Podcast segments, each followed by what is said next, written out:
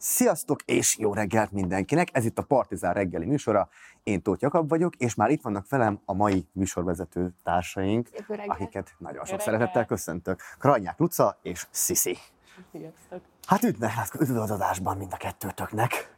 Uh, Köszönjük szépen a meghívást. Sziszi, te ugye zenész vagy, Elsősorban. elsősorban, Luca pedig, hát most TikTokerként vagy hogyan volna érdemes? Ilyen kicsit fluid azért, Fluid, igen, de igen, igen. igen, igen, amúgy elsősorban igen. Szóval hogy a Telexnél is ezt csinálom, ez a fő.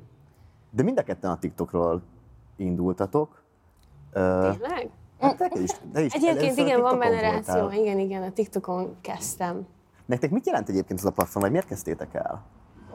Őszintén én azért kezdtem el, mert mindenki csinálta, és már nagyon kíváncsi voltam arra, hogy milyen, és felraktam egy-két videót, aztán nem történt semmi, aztán felraktam még egyet, és aztán hirtelen így lett egy ilyen egy viszonylag nagy boom, és úgy voltam vele, hogy jó, ez király, akkor ezt így csinálom. Így különösebb belegondolás nélkül. Aha. Nagyjából nekem is ez volt a hozzáállásom. Sajnos. Ez mondjuk nem teljesen igaz, én még a musicalin akartam nagyon híres lenni, az megvan az a flash, hú, na mindegy. Senki ne keresse vissza, Léci. De, Azok a tátugósok? micsoda? Azok a tátugós? Aha, igen. Meg volt minden kameramozgás, Hú, táncok, hű, igen. És akkor utána rájöttem, hogy ez így nem megy, és akkor le is töröltem. Amikor TikTok lett belőle, akkor Mm. pedig így visszatértem, és a, szerintem a legelső videóim azok így a volánbusz élményeim voltak, és akkor amikor láttam, hogy ez így érdekli az embereket, akkor ugyanezzel a mentalitás, hogy hát jó, legalább így valahol beszélhetek, I guess, és akkor ezt így kihasználom. Meg Sziszi, neked most, én akkor találtam meg a te csatornádat, amikor volt ez a Viktorkás dalod. Húha, igen. Az, az végül nem lesz kiadva, vagy az, az a mi a helyzet? Ö, Ki szeretném adni, csak nem vagyok benne biztos, hogy feltétlenül ezt a fajta negativitást akarom terjeszteni. Aha. Mert egyébként tényleg, hogy van bennem egy ilyen, egy ilyen indítatás, hogy beszéljek dolgokról, amik engem zavarnak, csak nem biztos, hogy a politikai életben ilyen, vagy hogy ilyen módon akarok így úgymond belefolyni, és ö, azt is igyekszem megtartani, hogy real maradjak olyan szinten, hogyha mondjuk az adott politikus velem szembe lenne, olyan dolgokat mondjak a rappembe, amit amúgy akkor is mondanék, ha ott van velem szembe.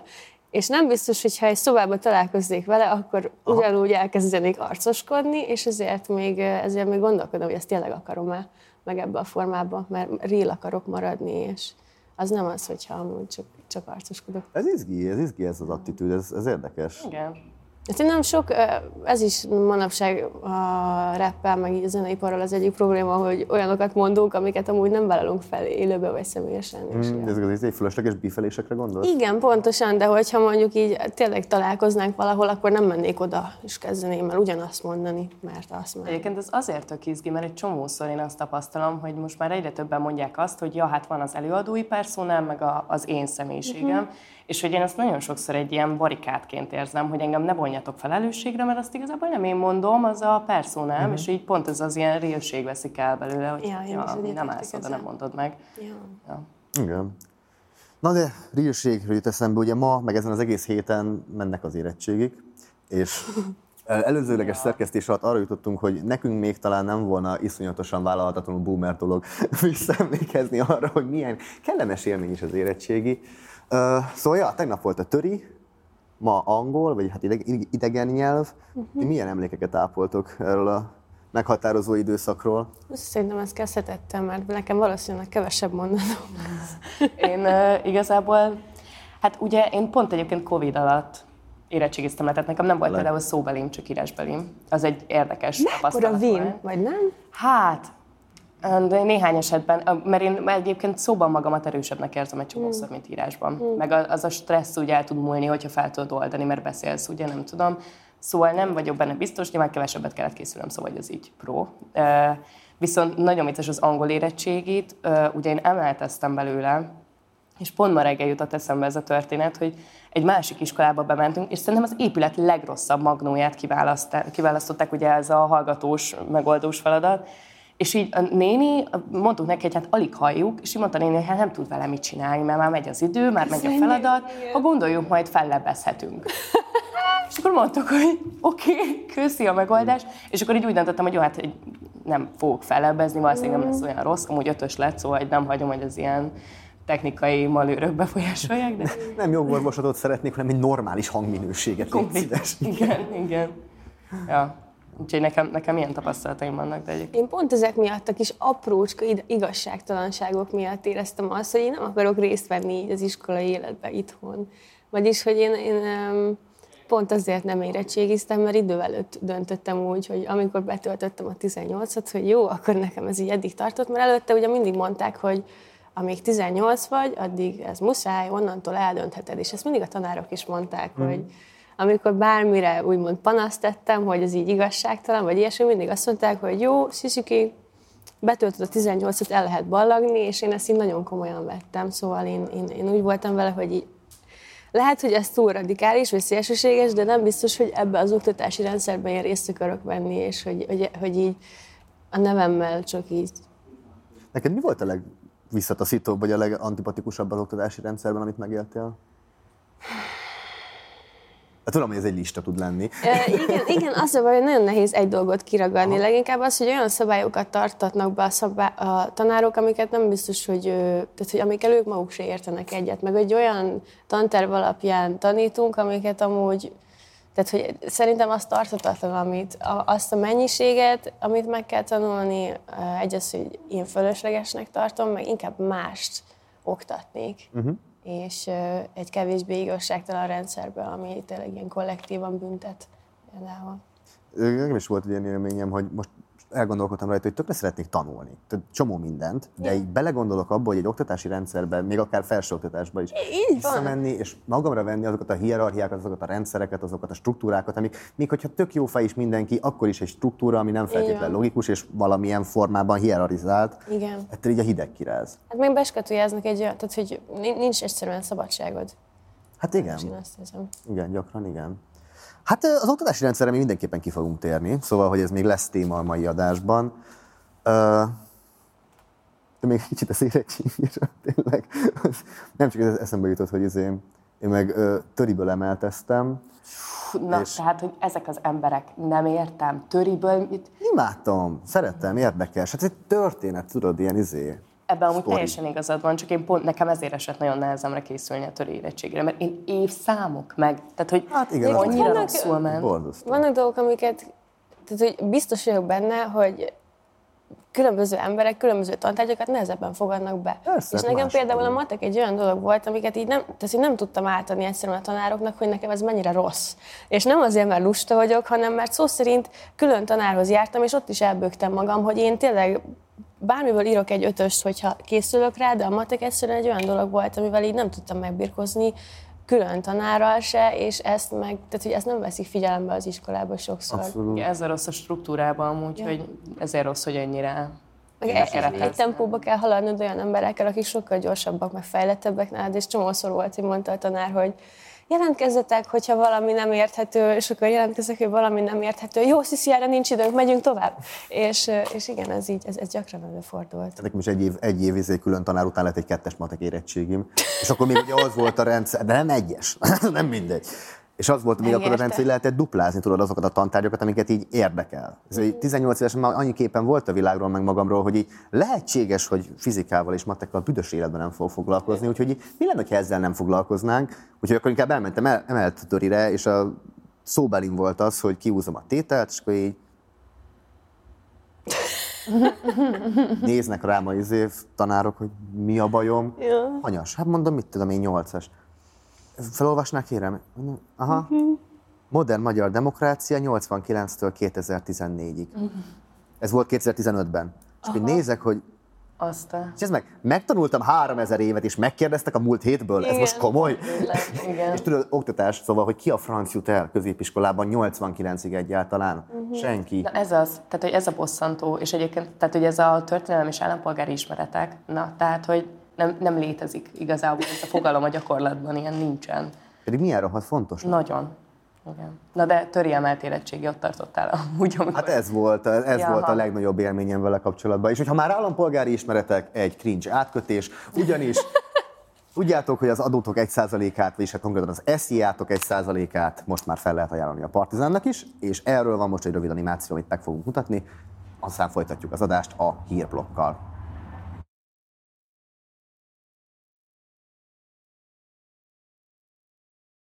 Partizánnak rád is szüksége van. Idén a személyi jövedelemadód 1%-át már nekünk is adhatod.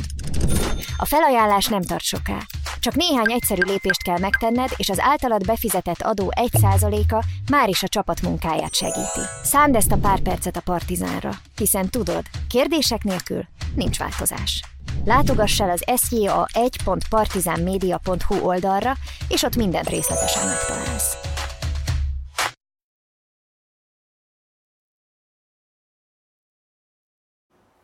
Szóval folytatjuk is az adásunkat Sziszivel és Kranyák Lucával, és most következik a hírblokkunk.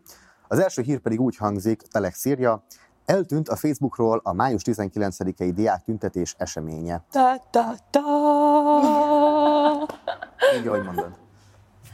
Szóval hogy valahogy ezt le, le, le, leszették, ugyanis az Egységes Diákfront ö, május 19-ére újabb tüntetést szervezett, ugye az eddigiek azok ö, könyvgázadásba torkollottak, uh-huh. Aztán a héten értelemszerűen érettségiznek, szóval, hogy valószínűleg ezért került jövő hét péntekre ez az esemény meghirdetésre, ö, viszont a Facebookról ez eltűnt. Uh-huh. Úgyhogy ezúton is tudatjuk az emberekkel, hogy meg lesz tartva, 19 Akkor ez meg lesz tartva? Meg lesz tartva, igen. Jó. Csak hát a Facebook esemény sajnos meghalt. De 19-e 16 óra 30, az EDF azt írt egyébként a Facebookján, hogy a helyszínt még majd a mai nap folyamán fogják közölni, miután leérettségiztek. És lesz valami pontosítás, vagy bármi információ, szolgáltatás, hogy miért lett letörölve? Hát Vagy- eddig uh, ugye csak azt tudjuk, hogy gyűlöletbeszéd miatt leszették, és ezt ugye azóta kiadtak egy közleményt is a szervezők, hogy ők ezt nem teljesen értik, tehát hogy így, és azóta se kaptak semmilyen információt ezen túl. Valakinek szemet szúrt? Hát ugye ez a klasszikus Facebook történet, hogy azért gondolom, hogy elengedték, vagy valami Ja, ilyesmi. igen, hogyha többen jelentik, akkor ilyenkor ezt lehet Ja. Ez szomorú. De kedves. De egyébként ugye pont ezzel kapcsolatban szerintem tök érdekes, hogy ugye Orbán Viktort megkérdezték erről parlamentben, hogy hogy mi a véleménye arról. Igazából arról kérdezték, ugye, hogy, hogy könyvgázozzák a fiatalokat, uh-huh. meg hát ugye gumibottal néha megverik őket, és hogy erről mi a véleménye, és akkor erről annyi vélemény született, hogy mindenki tartsa be a törvényeket. És akkor Igen, Á, szó. körülbelül, most nyilván nem így szó szerint, de, de hogy így nagyjából ez volt ugye a lényege a mondani. Igen, csak nem biztos, hogy ez a fiatal generáció egy ilyen feltétlenül ilyen megalkuvó szellemiségű. Hát igen, ez tulajdonképpen azt kommunikálja nem, hogy ez egy ilyen szép eufemizmus arra, hogy leszarom. Ja, hogy csücs a helyedre, csináld azt, amit mondtunk, ne lázadozzál, majd mi azt tudjuk, amit tök jó, meg minden, csak nem biztos, hogy most már így tényleg olyanok vagyunk, hogy, hogy mi ezt így feltétlenül el akarjuk viselni. Mert nem, nem kötelező. Nem tudom egyébként, hogy egy ilyen mondat mennyire éri el a célját. Tehát, hogy nyilván azt mondta, hogy, tehát, hogy tüntetni lehet, ez nem tilos, csak ne dobáljunk rendőröket. Meg ne Alapvetően ezek a, ezek a porban. könygázozások akkor szoktak kezdődni, amikor valaki olyan tényleg nagyon neki mm, feszül a, hogy kell mondani, a rendőröknek. Hát én a legutóbbi alkalomról tudok mesélni, azon voltam ott, ugye ott az történt, hogy ö, voltak páran, akik elkezdték lebontani ezt a, azt a fajta kordont, Mhm. amin van egy ilyen látványterv, egy ilyen kis műanyag lap, valami csoda, uh és akkor ezt ott így lerugdosták, meg leszették, és bementek egy ilyen építési területre. Mhm. Na most ott beállt a rendőrsorfal, és ö, hogy onnan mi volt az a pont, és miért jött el az a pont, hogy akkor kezdjünk el fújni könyvgázt, mert amit láttunk a felvételeken, meg amiket készítettünk felvételek, azokon is körülbelül az látszik, hogy ott így állnak emberek, így ugrándoznak emberek esetleg, és amikor elkezdenek fújni, akkor igazából válogatás nélkül, vagy látszólag válogatás nélkül fújnak le Ja, ja. tök random embereket, és mindegy, ott majd terjeng a felhő, ez egy szerencsétlen, aki meg pont ott áll elől, azt meg jól lefújom, vagy én nem tudom, hogy itt ilyenkor mi a stratégia, vagy a taktika. Nekem körülbelül úgy tűnik ez, hogy ilyen aki térszaszt. Igen, igen, de nem az Mindegy, történik, hogy hogy most ő izé- tényleg bántott Jó, nyilván egy rendőrt. könyvgázt nehéz célzottan egy személyre irányítani, és csak arra Megoldják, az egy... megoldják. meg, meg, Mármint úgy értem, hogyha a tömeg közepén van valaki, aki nagyon uh, Mhm. Fejvesztve, üvöltve, kap, kalimpál és felborít dolgokat, nem tudnak csak ráfújni, gondolom. hát igen, de az is egy jó kérdés, hogy miért kell az Miért kell egyáltalán? ráfújni. Igen, miért kell egyáltalán, igen. Hát mert van egy olyan teória, hogy még csirájában kell elfolytani a, a lázadást, és szerintem ez így, itt így inkább arról szól, hogy szokják meg azt, hogy egyáltalán nem lehet, és inkább legyenek már így éléből elnyomva az emberek, mint hogy, mint hogy hozzászoktassuk őket ahhoz, hogy persze lázadozzatok, csak majd lesz változás. Ti jártok egyébként ezekre a tüntetésekre? még nem voltam, de most már van egy ismerősöm, aki, aki rendszeresen jár, és mondtam neki, hogy legközelebb szól, és vagyok végig, mert kiindulván abból, hogy egyébként részben azért nem fejeztem be az iskolát, mert annyira nem értek egyet a rendszerrel, úgy érzem, hogy ott a helyem, és a kell, ha, hogy lekönyvázozzanak, akkor ki is nyitom nekik így eszem. Én még a békésebbeken voltam, mostanság, hát igazából ha nagyon őszinte akarok lenni, pont nem értem rá egyikre sem, viszont most már rendesen beterveztem, tehát mindenkinek megmondtam, hogy engem pénteken nem Tök érdekel, jó. tehát akkor jó. így izé. Igen, úgyhogy arra tervezek nagyon minden erővel, ugyanilyen mm-hmm. mentalitással, hogy én, én ott leszek könyvgázazon. Van olyan, van olyan, ami kifejezetten úgy van meghirdetve, hogy békés, meg van olyan, ami nem békés, vele ezzel nem Nem, szerintem ez csak úgy eszkalálódott, Ahogy, hogy mostanra már már nem mondhatjuk annyira békésnek, vagy egy elfajútnak nevezhetjük. Nem, mindig azt... lehet, az elő még az volt. Persze, mindig azt történik, hogy van egy bejelentett tüntetés, vagy adott esetben akár több is, uh-huh. és akkor amikor annak vége van, akkor lesz, ami lesz. És lesz, ami lesz alapon, már második alkalommal a várba kötött ki mindenki. Ö, hát és ki tudja, mi lesz 19-én, de Facebook esemény ide vagy oda. A lényeg az, hogy 19-e, 16.30, a helyszínt ma lehet majd megtudni az EDF ígérete szerint, úgyhogy kövessétek az EDF-nek, a EDF Budapestnek elsősorban a, a Facebook oldalát, mert ott van erről a eseményről hír. Ö, mi pedig menjünk akkor tovább. Akkor. Következő hírünket beolvassátok, vagy Mérséklődött az infláció áprilisban, de még mindig átlagban 24%-kal nőttek az árak. Ez, de ez, ez úgy tűnik a, az aláfestő zenéje a mai műsor. Hát nem csak a hírblokknak, mert ezek sokkoló hírek egyébként, ja. for real, for hát real. Az infláció annyira szerintem már nem sokkol. De engem még mindig sokkal, hogy ennél tovább emelkednek az árak, őszintén. Hát most ugye éppen az van, hogy... azt hittem, az már így úgy vagyunk vele, hogy jó, remény az De most sokkal jobb, érted? Hát decemberben volt 24,5 százalékos infláció, aztán felment egészen 25 százalékra, most pedig már csak 24. Hát minden fasza. Hálás, hálásnak kell lennünk. Ja. Gondoskodnak ja. rólunk. De egyébként én már ilyen sztoikus nyugalommal állok ehhez a témához, tehát hogy én hmm. már nem, körülbelül már nem is beszélgetek erről. Hát. Ja. És egyébként meg egyetemistaként, tehát hogy tényleg elképesztő nagy kihívás az, hogy, hogy most én, mindegy, szóval hogy nekem is szoktak ilyen mentál breakdownjaim lenni, hmm. hogy így lemegyek a kisboltba, és egyszerűen így azt látom, hogy akkor most döntök, hogy három kiflit veszek, vagy veszek még vajat is az ja, egy kifli mellé, és akkor így melyik legyen, szóval... Ja. Mennyit változtatott egyébként az életviteleteken ez az egész inflációs helyzet? Akkor bocs, annyi kiegészítés, hogy infláció, oké, de nem csak az infláció miatt drágulnak a dolgok. Lassan kimondható, hogy meg, megélhetési válság kezd kialakulni. Szóval ez hogyan hatott rátok? Én ezelőtt Ausztriában laktam, és ott volt egy fix havi fizetés, amiből tök jól megvoltam, és azért nem gondolkodtam olyan, hogy lesz olyan, hogy ez nem így lesz, szóval mm. most ez így elég sokkoló. Én vagyok olyan kis uh, szeleburdi, hogy minden nap eldöntöm, hogy jó, több pénzt kell keresni, szóval igyekszem így a mindsetemet így arra fele irányítani, hogy, hogy mindenféleképpen olyan dolgot kell csinálnom, amiből egyszer passzív jövedelmem lesz, meg több lábon kell állni anyagilag, meg be kell majd fektetni, meg félre kell tenni, meg minden pénzt, amimet kapom, az annak legalább a 10%-át így félre rakosgatom, pont azért, hogy ne legyen az, hogy lemegyek a boltba, és azt látom, hogy ja, most akkor döntenem kell, hogy most ezt teszem, vagy azt teszem, mert ez drágább, meg az olcsóbb, meg nyilván nekem is voltak pillanatok, amikor lementem 5000 forinttal, és úgy értem haza, hogy igazából semmit nem vettem, csak amit így ma elfogyasztok, és holnap ugyanez még egyszer. Igen. De a hétre van egy tízesem. Szóval, szóval... Tudatosan kezeled egyébként ezt a dolgot. Most már igen. Okay, szép. Szerintem a pénzügyi intelligencia egy olyan dolog, amit mindenkinek mhm. magának kell tanulnia, és a suliban szerintem direkt nem tanítják, vagy nem tudom. Direktbe. De, nem, amit hogy Csak tényleg... azért kiszúrjanak veled. Hát de nem lenne logikus megtanítani egy embert arra, hogy hogy kezelje a pénzét. A gazdaságnak lehet, hogy nem előnye az, hogy az emberek jól bánjanak a pénzükkel és megtakarítsanak, azaz, vagy nem tudom, nem merek az ő nevükbe beszélni, de mint hogyha ezt így kerülnék. De meg egyébként emellé szerintem simán bemondhatjuk ezt az adóbevallás meg, meg Igen, tehát, hogy, hogy az összes ilyen pénzügyi tudás az annyira szükséges lenne, és az, hogy nem tanítják meg, az szerintem nagyon szomorú. Ja. És eh, tehát, hogy én tényleg most érzem így a bőrömön, például az adóbevallással kapcsolatban, itt nekem esték voltak, amikor itt szorongtam, hogy nem tudom, hogy ez uh-huh. így hogy történik, nem tudom, hogy mi van, ja. így nem tudom, emberektől kértem segítséget, hogy valami legyen, nem tudom. És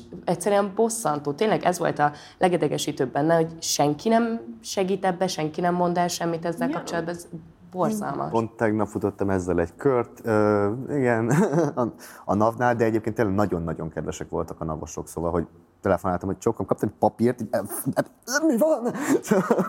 a, a felét nem értem, a másik fele szerintem nem igaz, akkor most ez nem így a francia Általában ez ilyen. És akkor szépen elmagyarázták, szóval hogy nagyon készségesek, és tényleg elmondták, hogy mi az, amit ilyenkor kell csinálni, és hogy érteni még mindig nem értem, csak van három ilyen rendszámtáblaszerű dolog, amit ilyen űrlapoknak a eleje meg a vége, és azt be kell adni, és akkor majd lesz valami.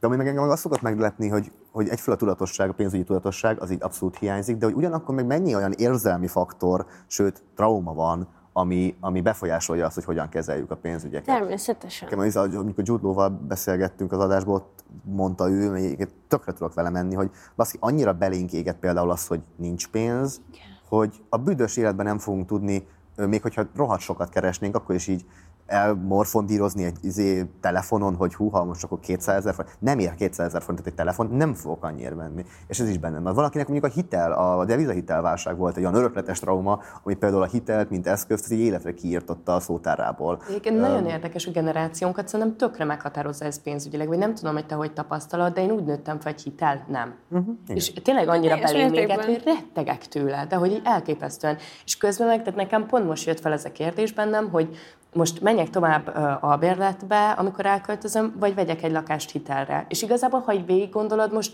tehát, hogy fizethetem életem végéig az albérletárakat, vagy fizethetem életem végéig a hitelt. Tehát, Ha, hogy, össze tudsz kaparni egy önerőnyit. Egyébként na igen, az meg van egy másik Hú, de kérdés. biztató kilátások vannak. Jó. Most egy kicsit az így nyomasztó, Nincs nem? Jó valami, nincs reggelt valami, mindenkinek. jó reggelt mindenkinek, igen. őt Magyarország. Írjátok be kommentbe, hogyha van valami jó hír a nap folyamán, mert mi nem találtunk. Na de, hogy felvidítsuk a kedélyeket, mondjuk egy utolsó hírnek, amit ma beolvasunk, a műhús 25-ször károsabb lehet a környezetre, mint a marha. Szóval az sem megoldás, kedves emberek, hogy műhúst fogyasztotok és megák lesznek. Semmi köze nem lesz a környezetváltozáshoz. Nem mentitek meg a bolygót. Vége mindennek. Ennyi. Jó reggelt. Szerintem az állatokat azért lehet óvni Mondjuk egy- igen, a boci én, az jól Én jár. alapvetően nem azért lennék, hogyha lennék vegán, már pedig szeretnék az lenni, hogy ezzel megmentsem egyedül önerőből a bolygót, hanem mert egyszerűen van egy természetes érzésem, amikor ránézek egy békőre, meg ránézek egy gyümölcstárra, és a gyümölcstár valamiért egy kicsit így ilyen kevésbé tölt el lelkiismeret furdalással, Mhm. mi, miközben megeszem. Nyilván ettem már békönt, nem vagyok álszent, de, de ja. Na, Én nekem pont ö, ö, hónapokkal ezelőtt a kettő érv egyszerre uh-huh. hatott, hogy ö, mindig is, tehát hogy én már amióta elköltöztem egyedül, azon dolgozok, hogy ö, nem tudom, azért védjem a környezetet, amennyire csak tudom. De, de hogy ez a nagy felismerés, hogy igen, amúgy már így majdnem minden lépést megtettem, a következő az így az lenne, hogy csökkentsem a húsfogyasztásomat. És ö, és igazából én, én azóta se fogyasztok ilyen műhús dolgokat, nem tudom, egyszerűen nekem ez így Nem is, nem is Olyan- feltétlenül mindig jó ízű, meg, meg, meg az íze is mű. Mert hogy nekem sokszor ettem már jót.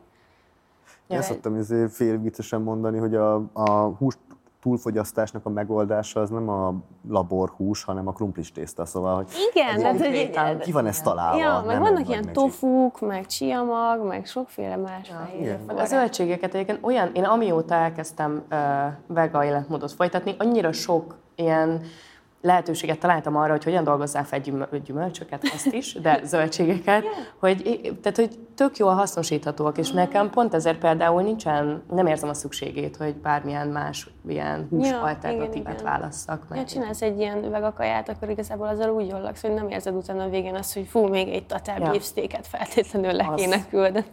de duplát belőle.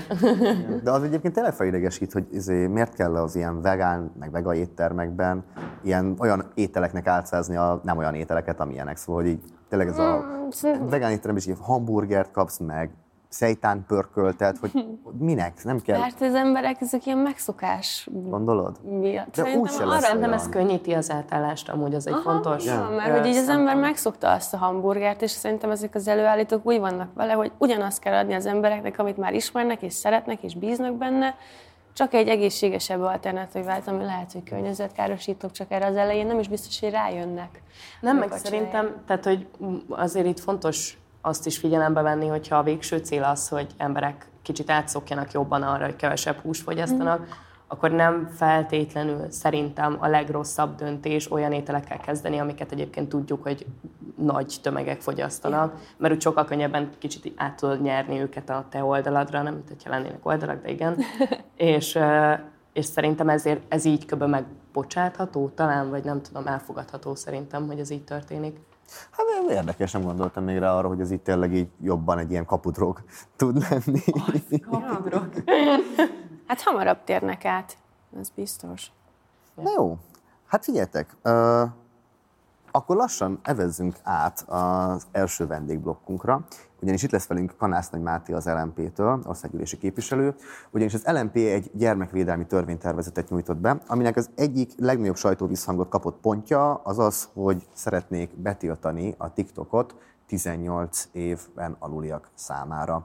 Hogy honnan jött ez az ötlet? Miért jött ez az ötlet, és mi áll még egyébként ebben a tervezetben? Erről fogunk beszélgetni Kanász Nagy Mátéval, de előtte nézzetek meg egy összeállítást arról, amit összeválogattunk a TikTokról a tegnapi nap folyamán, nagy szakértelemmel. Nem lesz teljesen reprezentatív, de ne, szórakoztató montás. Úgyhogy most jön a bejátszó, utána pedig folytatjuk.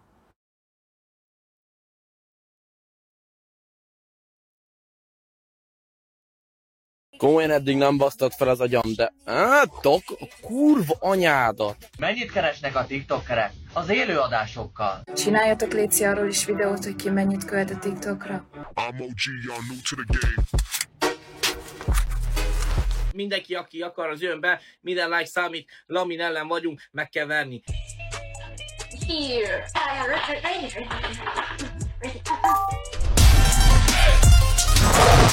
Mi a gecit csináltál, te idióta? Hogy nézel ki?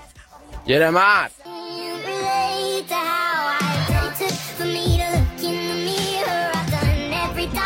Az olyan emberek, akik depresszióban vagy bármiféle mentális betegségben szenvednek, egyszerűen olykor nem akarnak beszélni. Fáj, úgy fáj, hogy nem vagy itt, úgy meghallik.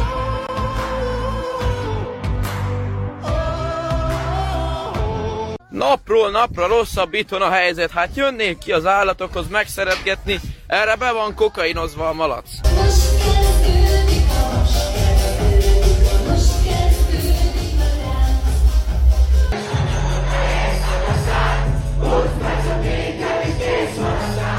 Hónapja elkezdtünk piros paprikát keverni a tyúkok kajájába, mert azt mondtátok, hogy megszínezi a tojást. Szorgalmasan gyűjtögettem a tyúkok tojásait, és hetenként külön válogattam. 2030 jön az új világrend, a magyarság felemelkedése és a turul győzelme. A fidesz KDNP ugyanis vissza csatolná Kárpátalját Magyarországhoz? Ö, figyeljetek, szerintem én nyitok egy állatsimogatót, mit szóltak? Ez egy társkereső alkalmazás, de rengeteg sok új funkciói vannak. Treat me like white teeth, don't get me dirty, love on, love on. Most tényleg ideges vagyok, eddig nem volt semmi baj, mert nem csinált rosszat, de most lehet levágom.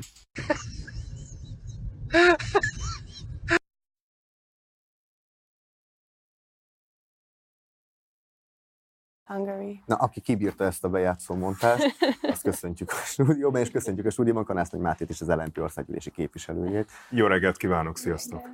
Szóval a gyerekvédelem szó az rengeteget uh, szerepel a médiában, a közbeszédben, de elsősorban a Fidesz uh, retorikájában szokott megjelenni, viszont most az LNP-nek is van egy gyermekvédelmi uh, tervezete.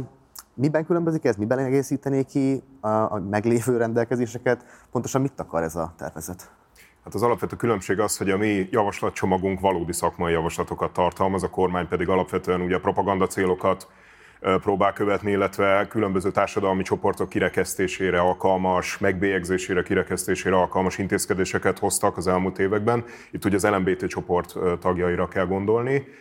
És hát gyakorlatilag a kormány dobta föl a labdát, amit mi próbálunk lecsapni, hogyha azt mondják, hogy a gyermekvédelem fontos, akkor tessék, itt van egy javaslatcsomag. Uh-huh. Egyébként ez egy széles javaslatcsomag a, a részünkről, Alapvetően a szociális rendszerrel foglalkozik, szociális dolgozók béremelésével, jelzőrendszer megerősítésével, pályaalkalmassági feltételekkel, felvilágosító, tájékoztató programokkal, és mondjuk a 15 pont közül az egyik az valóban a közösségi média szabályozásával foglalkozik, különböző platformok, videómegosztó platformok, és ezen belül van egy konkrét javaslat, ez a TikTok korlátozása ugye 18 éves kor alatt.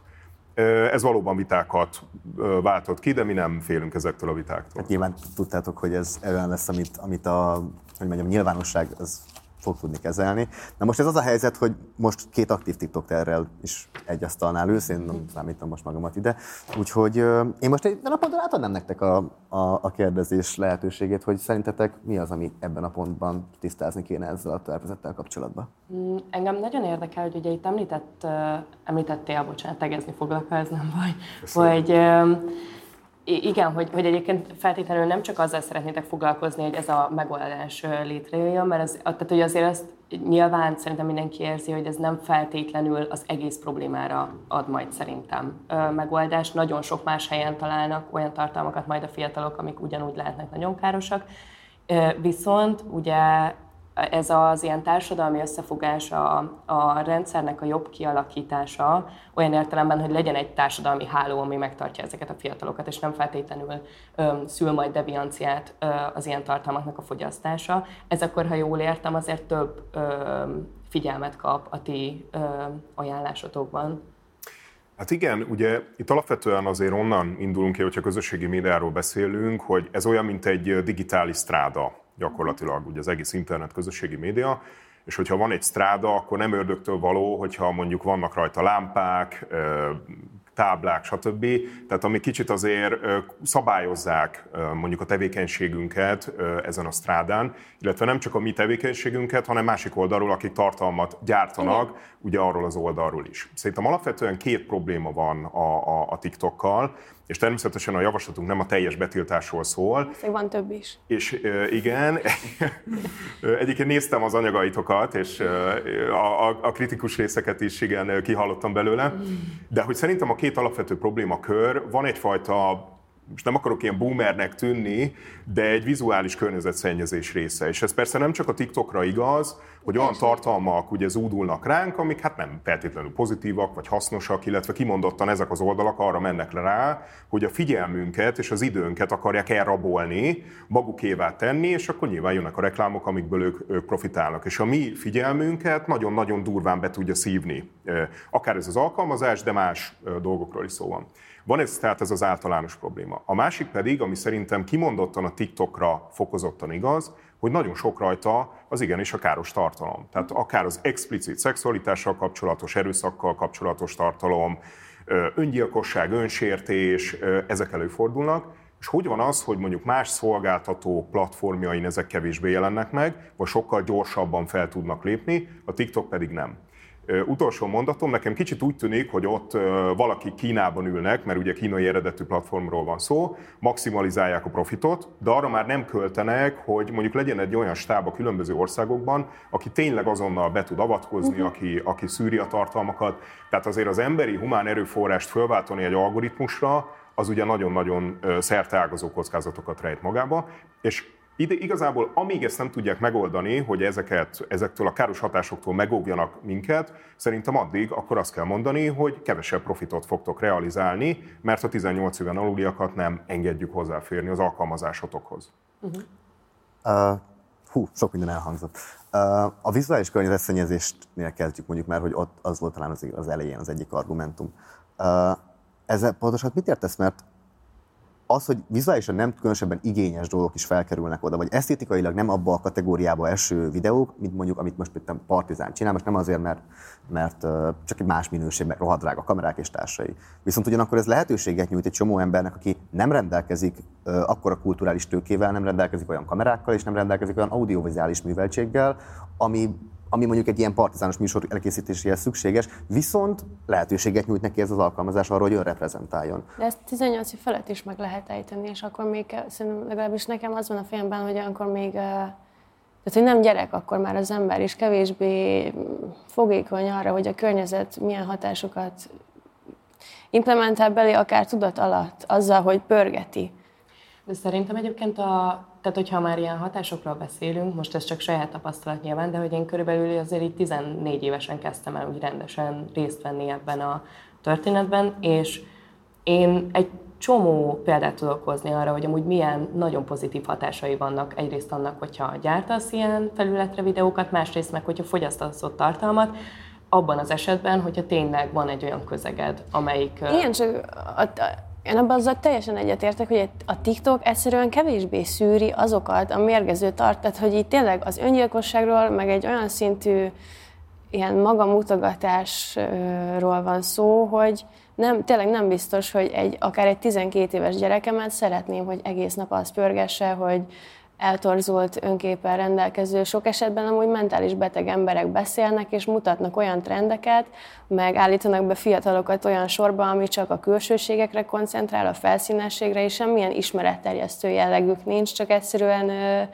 a lájkokért és a megtekintésekért, és nyilván a profit maximalizációért csinálnak dolgokat, úgy, hogy az egész amúgy egy teljesen addiktív dolog, mert minden alkalommal, amikor posztolsz valamit, akkor ez egy ilyen dopaminlöketet ad az agyadnak, és erre ráfüggsz, és egy idő után már ez se lesz elég kielégítő, és ez depresszióhoz is vezethet. Sok esetben nem biztos, hogy így, így, a, így a biológiai mechanizmusokra elég rálátásunk van, legalábbis nekünk, de abban biztos vagyok, hogy neurobiológiai szempontból egy gyereknek erre, erre ez, ez rossz hatással van rájuk.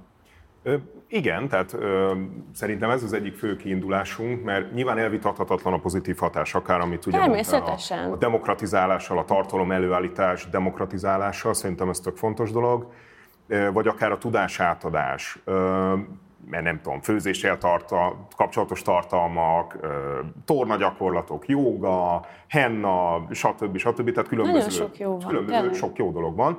Persze azért itt is tegyük hozzá, hogy ugye milyen a tudás, milyennek a tudásnak a kontextusa, milyen már meglévő tudásba tud beleépülni, mert hogyha valaki mondjuk csak innen akarja elsajátítani a barkácsolásnak a tudományát és művészetét, nem biztos, hogy sikerülni fog, nehogy otthon valami sérülés szenvedjen.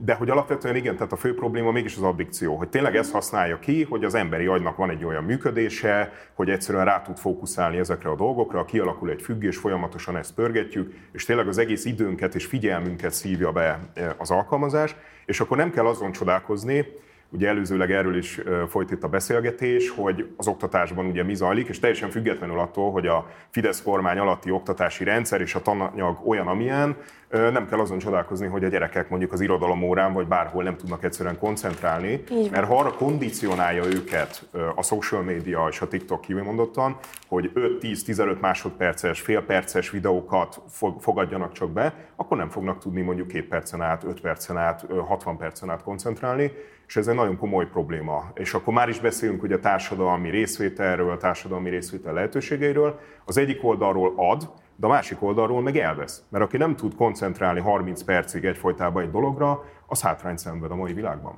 Ez két dolog. Egyfelől a, a koncentráció, mint olyan. Én szerintem ez egy fontos aspektus a történetnek, ami kevéssé tárgyalt. Mi van akkor, hogyha ők nem arról van szó, hogy nem tudnak figyelni, hanem hogy nem akarnak? És nincs ebben igazuk véletlenül, hogyha, mert hogy én, szerintem az egy, most lehet, hogy átesünk a ló túloldalára, mit tudom én, a nagyon gyors impulzus igényel, de az a nagyon lassú, nagyon fölösleges, nagyon hierarchizált rendszer, ahol ilyen nagyon lassú információátadás van, ami eddigi világunk volt, nem biztos, hogy egy fokkal is emberibb, mint a másik. Ez az egyik, amit mondani szerettem volna. A másik pedig az, hogy ha most már addikcióról beszélgetünk, például egy analógia, a drogpolitikák világszerte inkább a dekriminalizáció felé mozdulnak el, mint sem a tiltás és a kriminalizáció felé, akkor miért kezeljük másképp a TikTokot, ami igen addiktív, de meg kell tanulnunk együtt élni ezzel a történettel, hiszen itt van a világunkban. Szerintem ez nagyon jó példa egyébként, csak ugye a drogpolitikánál egy, egy nagyon szigorú tiltó, elutasító álláspontból mondjuk különböző országok bizonyos szerek esetén mennek egyfajta mondjuk legalizációs irányba, vagy dekriminalizációs irányba, hát addig a social media esetében pedig, ahogy ez megszületett, a teljes, mondjuk a dekriminalizáltság állapotában született meg, illetve a teljes szabályozatlanság állapotában, tehát ilyen szempontból, hogyha keressük a kompromisszumokat és a köztes utakat, akkor lehet, hogy a két politika esetén ellentétes a, a mozgás, de mégis egyfajta mondjuk kompromisszumos mm. köztes állapot, társadalmi szempontból a kockázatok minimalizálása, de mégis a haszonnak a maximalizálása felé megyünk el, tehát szerintem ezért jó a párhuzam, de, de ellentétes Más a folyamat, de mégis ugyanoda halad ilyen szempontból. Uh-huh. Én egyébként pont itt az addikcióval kapcsolatban akartam kérdezni, hogy ugye az addikciónak egy, egy nagyon szerintem jó megközelítése az, hogy akkor ö, alakul ki addikció, és ahhoz, amire éppen szükséget érez az ember, és hogy ezek a szükségletek nagyon könnyen visszavezethetők odáig, hogy mondjuk mi hiányzik a környezetében, amiért ez a szükséglet kialakul, hogy ezzel egyébként foglalkoztatok-e ö, ezekben a folyamatokban, hogy egyébként egyáltalán mi okozhatja azt, hogy, hogy ilyen könnyen rá lehet függni egy ilyen ö, applikációra, hogy nem lehet-e az, hogy valami a társadalmunkban nem működik annyira jól, és ezért folyamodnak ahhoz a, a fiatalok, hogy akkor ezt fogom csinálni. De, de, de, tehát, hogy, és nyilván akkor ez már kitágítja a kérdést, és a, a gyermek jólétnek, gyermekvédelemnek egyéb területeire érkezünk, és mondjuk a javaslatcsomagunk foglalkozik ezzel, tehát hogyha mondjuk van egy nagyon ö, ö, nehéz helyzetben élő család, nehéz helyzetben élő gyermeke, mi, hogyan keresi a kiutakat ebből a kilátástalanságból, most különböző szociális, kulturális, mm-hmm. társadalmi értelemben, akkor lehet, hogy persze pont a social media felé megy, és akkor a függőségek sajnos ugye nagyobb kockázattal előjönnek, és akkor ott a szociálpolitikának, gyerekjóléti politikának, oktatáspolitikának, stb. stb. nagyon komoly terepe van. Nagyon jó volt ez a felvetés, hogy mi az, amit akarunk, és mi az, amire ráfüggünk, tehát az akarat. Igen, nyilván kezdetben egy akaratról van szó, hogy én akarom ezeket a tartalmakat, mert tetszik, mert érdekes, mert egyszerű, mert fél perc alatt meg tudom nézni, egy villamos megálló alatt, nyilván nehezebb egy könyvet elolvasni, ami napokon át tart, de azért mindenkinek nagyon ajánlom ezt is. De a másik oldalról szerintem az akarat után már nagyon könnyen jön az addikció része. Megszokás. A, a, a megszokás, és, és tényleg egy függőség alakul ki. Egyiket ezeket ugye viselkedési addikcióknak hívjuk, és nagyon komoly tudománya van évtizedek óta, hogy a különböző szerhasználatok mellett viselkedések is kiválthatnak addikciót, az a szerencsejáték ugye egy tipikus példája, de a social media használat is egyre inkább ilyen hatásokat és következményeket mutat biztosan közrejátszik az, hogy legalábbis a saját tapasztalatom az, hogy amikor elkezdtem TikTokozni, az elején nem nézték sokan, és aztán egyszer csak elkezdték sokan nézni. És ez, ez, egy, ez még bennem, mint felnőtt nőben is ébresztett egy, egy, egy fura érzés, hogy jó, akkor igazából nekem úgymond provokálnom kell magam ahhoz, hogy figyelmet kapjak, és hogy ezáltal a figyelem által nekem az oldalam gyarapodjon. Nem biztos, hogy egy gyereknek ez, ez, ez jó hatással van a pszichéjére. Igen, én azon gondolkodok, hogy... De figyelemért ugye... versenyzünk gyakorlatilag, és fiatal lányok táncolnak nagyon durván, úgy, mint a felnőtt striptease táncosok, azért, hogy ő egy kicsit több lájkot kapjon, mint az osztálytársa, mert az egész osztály ezt nyomja, és ezért ő is elkezdi, csak aztán ez így igen, én csak annak a lehetőségét keresem, hogy hogy nem öntjük ki a gyereket és a fürdővízzel együtt az ablakon, mert ugyanakkor meg rengeteg lehetőség is rejlik benne, akár 18 De lehetőség van, is. Lehetőség van a Youtube-on is. A Youtube-on is van lehetőség, csak ugye ezek a platformok, ezek érdekes módon generációsan cserélődnek, szóval, hogy érted, ahogy a nagyanyám a Facebookon, én az Instagramon, és a mhm. hugom meg a TikTokon van, szóval, hogy azért van egy ilyen generációs görbéje a történetnek, és csak most tényleg a diáktüntetésekből kiindulva 18 éven aluli emberek csinálják. Eszméletlen mennyiségű információ és tudás áramlik a TikTokon keresztül ezekről az eseményekről. De ők már felnőttek. De 18 éven aluliak. Tényleg? Igen. A diák. Hát most érettségiznek szegények. ja. Egyébként én még azt szerettem volna nagyon megkérdezni, hogy nagyon sokszor feljön egyébként pont a TikTokkal kapcsolatban ez az adatkereskedelem, meg az adatok kezelése egész konkrétan. Ez is egyébként szerepet játszik abba, hogy be akarjátok tiltani 18 év alatt?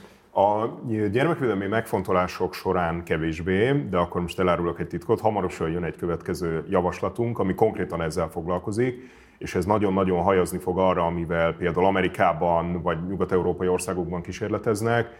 E, ott ugye különböző hivatali munkatársak számára adott esetben már meg is tiltják az alkalmazás használatát, kimondottan az adatvédelmi aggályok miatt, és itt egy globális e, mondjuk harcról van szó ilyen szempontból, vagy érdekérvényesítésről, amit ugye Kína, mint egy nagyhatalom kifejt, és ugye az adatkereskedelem, adatbirtoklás, ennek a megoldásai, tehát ezzel is azt gondolom foglalkozik kell, de ezt most szétválasztanám a gyermekvédelmi aspektusoktól. Uh-huh. Ez egyébként nagyon fontos még a, az az egész social media történet, és az egy adathalászat, mint olyan, hogy valóban ugye voltak ezek a meghallgatások Egyesült Államokban, és hogy minőségi különbség nincsen a között, ahogy Zuckerberg és a Meta uh, halásza az adatot, vagy a kínai állam. A különbség mm. az talán annyi, hogy a kínai államnak, a, a, vagy nem is az államnak, hanem a TikToknak a a, a vezetőit nehezebb elérni, mint, mint, mint a Facebookot. Ebben kicsit segítenél minket megérteni, meg, megérteni hogy, hogy ezek a szabályozások fontosak. volt olyan szabályozás is annó még, nem is tudom, hát nagyon régen, de voltak olyan reklámok, amik úgy, úgynevezett subliminális uh, képeket raktak be. Egy képkocka erejéig berakom azt, hogy nem tudom, banán, és akkor majd a reklám közben mm. banánt akarsz vásárolni. Ezt ugye betiltották, ez tilos. Na ugyanilyen működési módok vannak a social médiában, akár adathalászat, akár manipuláció, akár addikciókeltés. Mik ennek a szintjei? Mi az, amit nemzetállami keretek között érdemes kezelni? Mi az, amit EU-s szinten, és mi az, amire globális választ kell adni, mert, mert különben nem lesz, megold, nem lesz változás?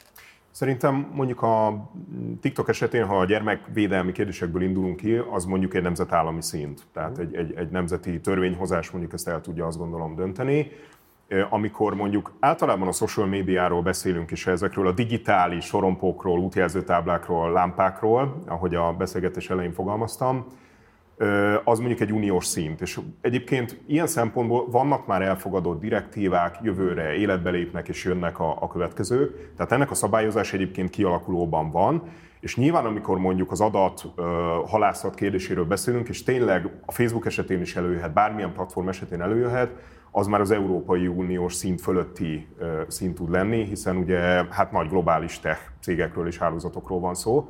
Tehát azt kell észrevenni, hogy az állami szabályozás nem ördögtől, nem ördögtől való, igenis az államnak szerepe és befolyása van, bármilyen piacot szabályozni kell, hiszen annak a működése nagyon sok anomáliához tud vezetni. Egyébként még egy a tiltásról annyi eszembe jutott, hogy voltak idők, amikor még lehetett beltéren dohányozni, kocsmákban, éttermekben, gyakorlatilag bárhol, és akkor az volt nekünk a normális. Viszont aki már azután született és úgy szocializálódott, hogy soha nem lehetett bent dohányozni, nem lázad azért, mert nem lehet bent dohányozni, mert nincs emléke arról, hogy lehetett. És valahogy így látom a TikTokot is, hogyha van egy generáció, aki abban nő bele, hogy ja, hát mi nem TikTokozunk, mert még nem lehet, mert még kicsik vagyunk, nem biztos, hogy feltétlenül ők, ők lázadnának mm. az ellen, hogy ez most tiltva van. De lehet, hogy ez egy, egész igazából csak a saját nézőpontom.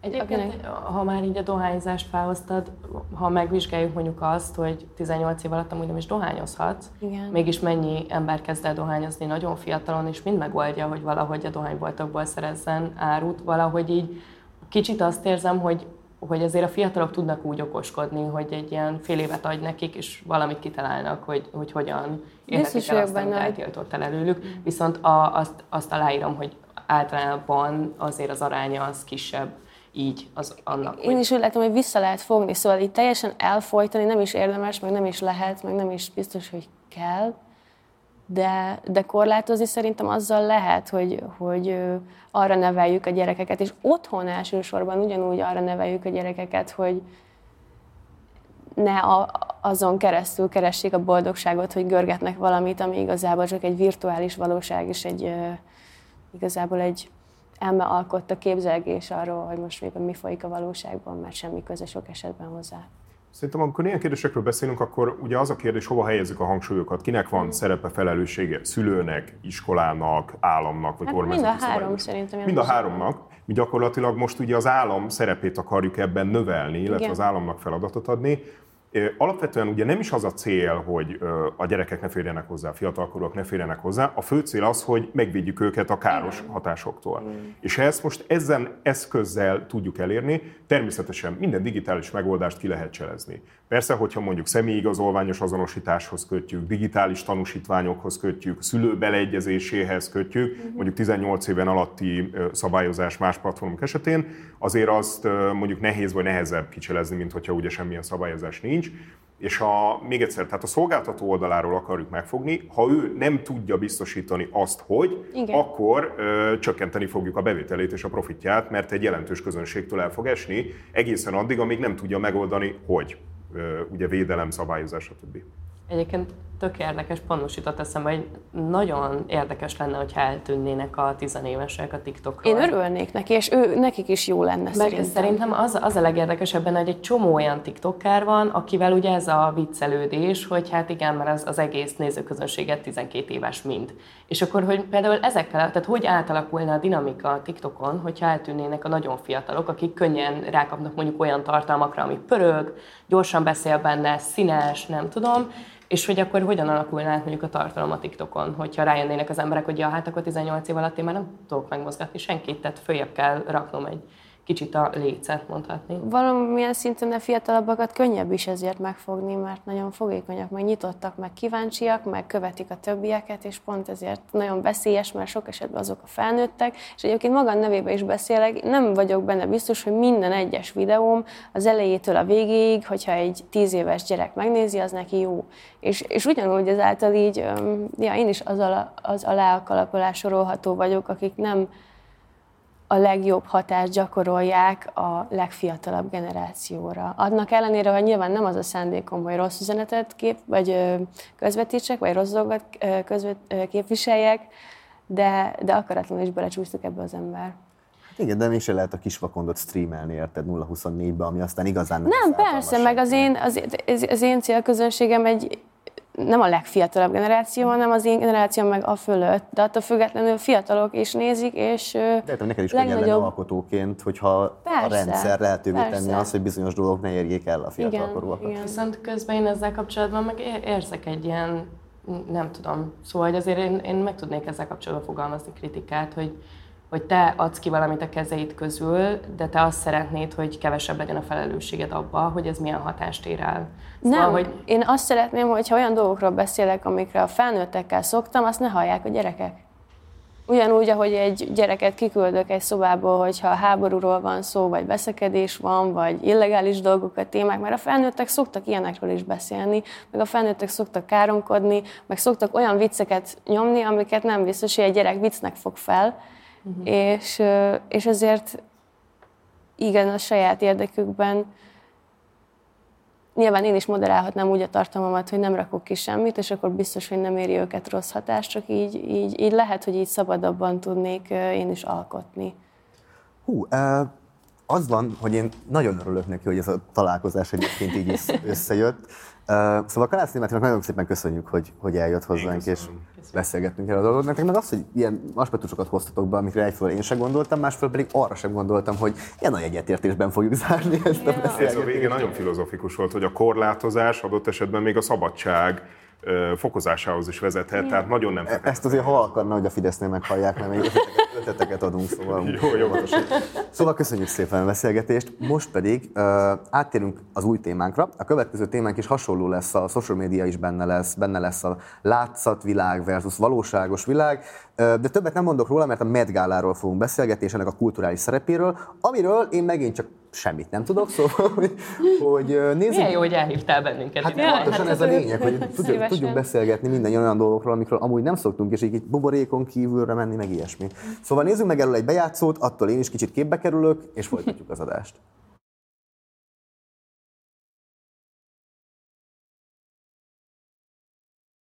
Mini skirt on, take my body in glitter. Plat- platform sneakers, all the boys want a picture. Two phone calls, I make rich look richer. Save your breath, baby, I'm not going home with ya. Mini skirt on, take my body in glitter. Plat- platform sneakers, all the boys want a picture. Two phone calls, I make rich look richer. Save your breath, baby, I'm not going home with ya. Mini skirt on, on, on, on, on, on. Two I make rich look richer. Save your breath, baby, I'm not going home with ya.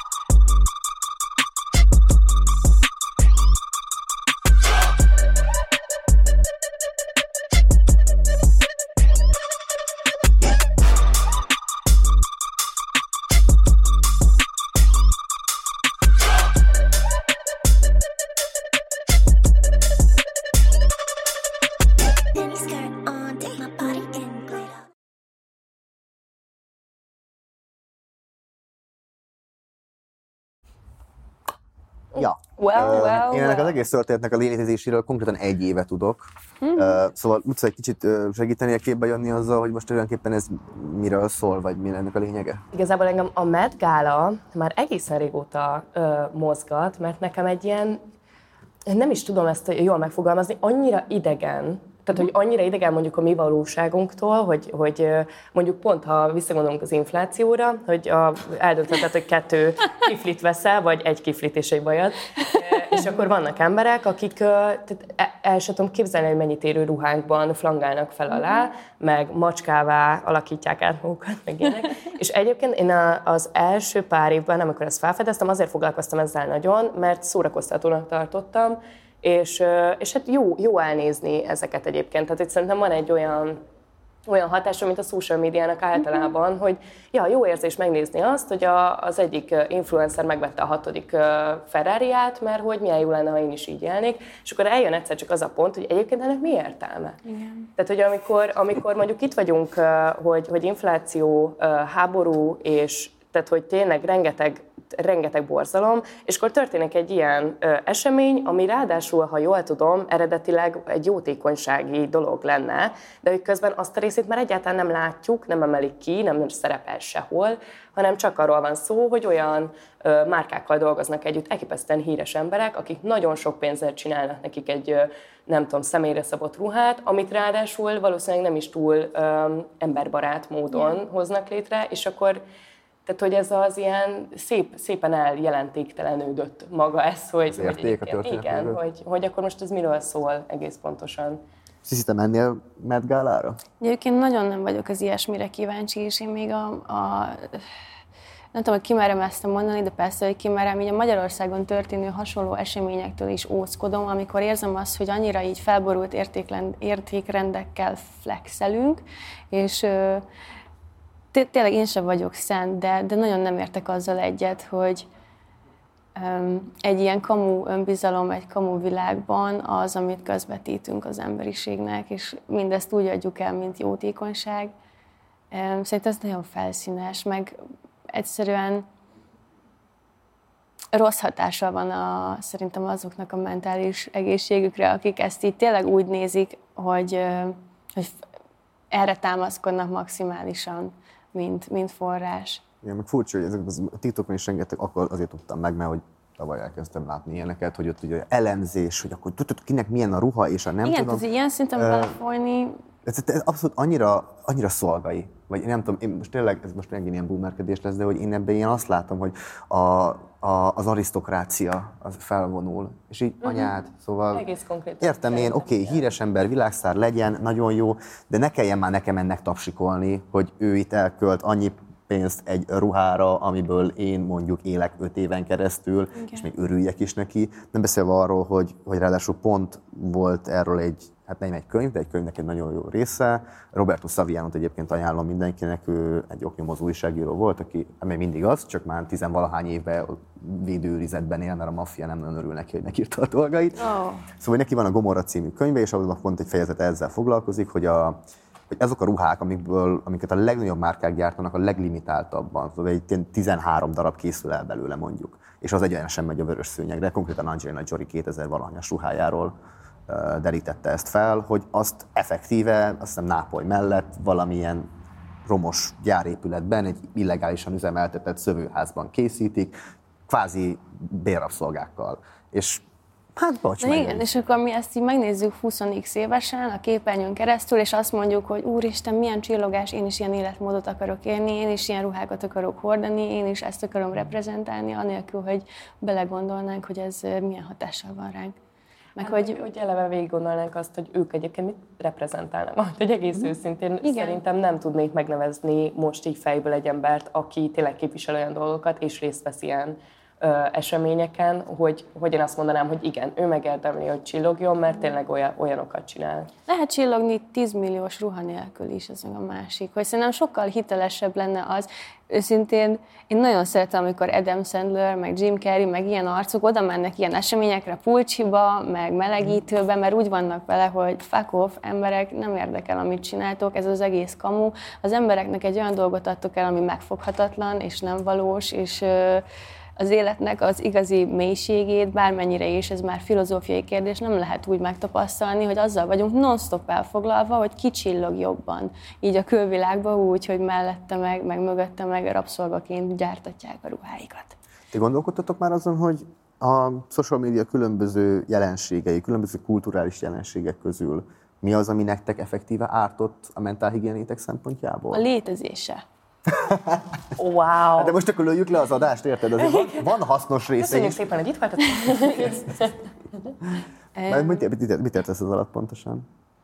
Én arra gondolok, hogy amíg egy ember nem kezdett, és most a saját ö, példám megint, amíg egy ember nem kezd el tudatosodni, addig nem tudja azt felmérni, hogy tényleg az, hogy non-stop pörget különböző külsejű férfiakat és nőket, akik különböző dolgokkal adják el magukat, hogy az, az a tudatalattidat az hogy befolyásolja.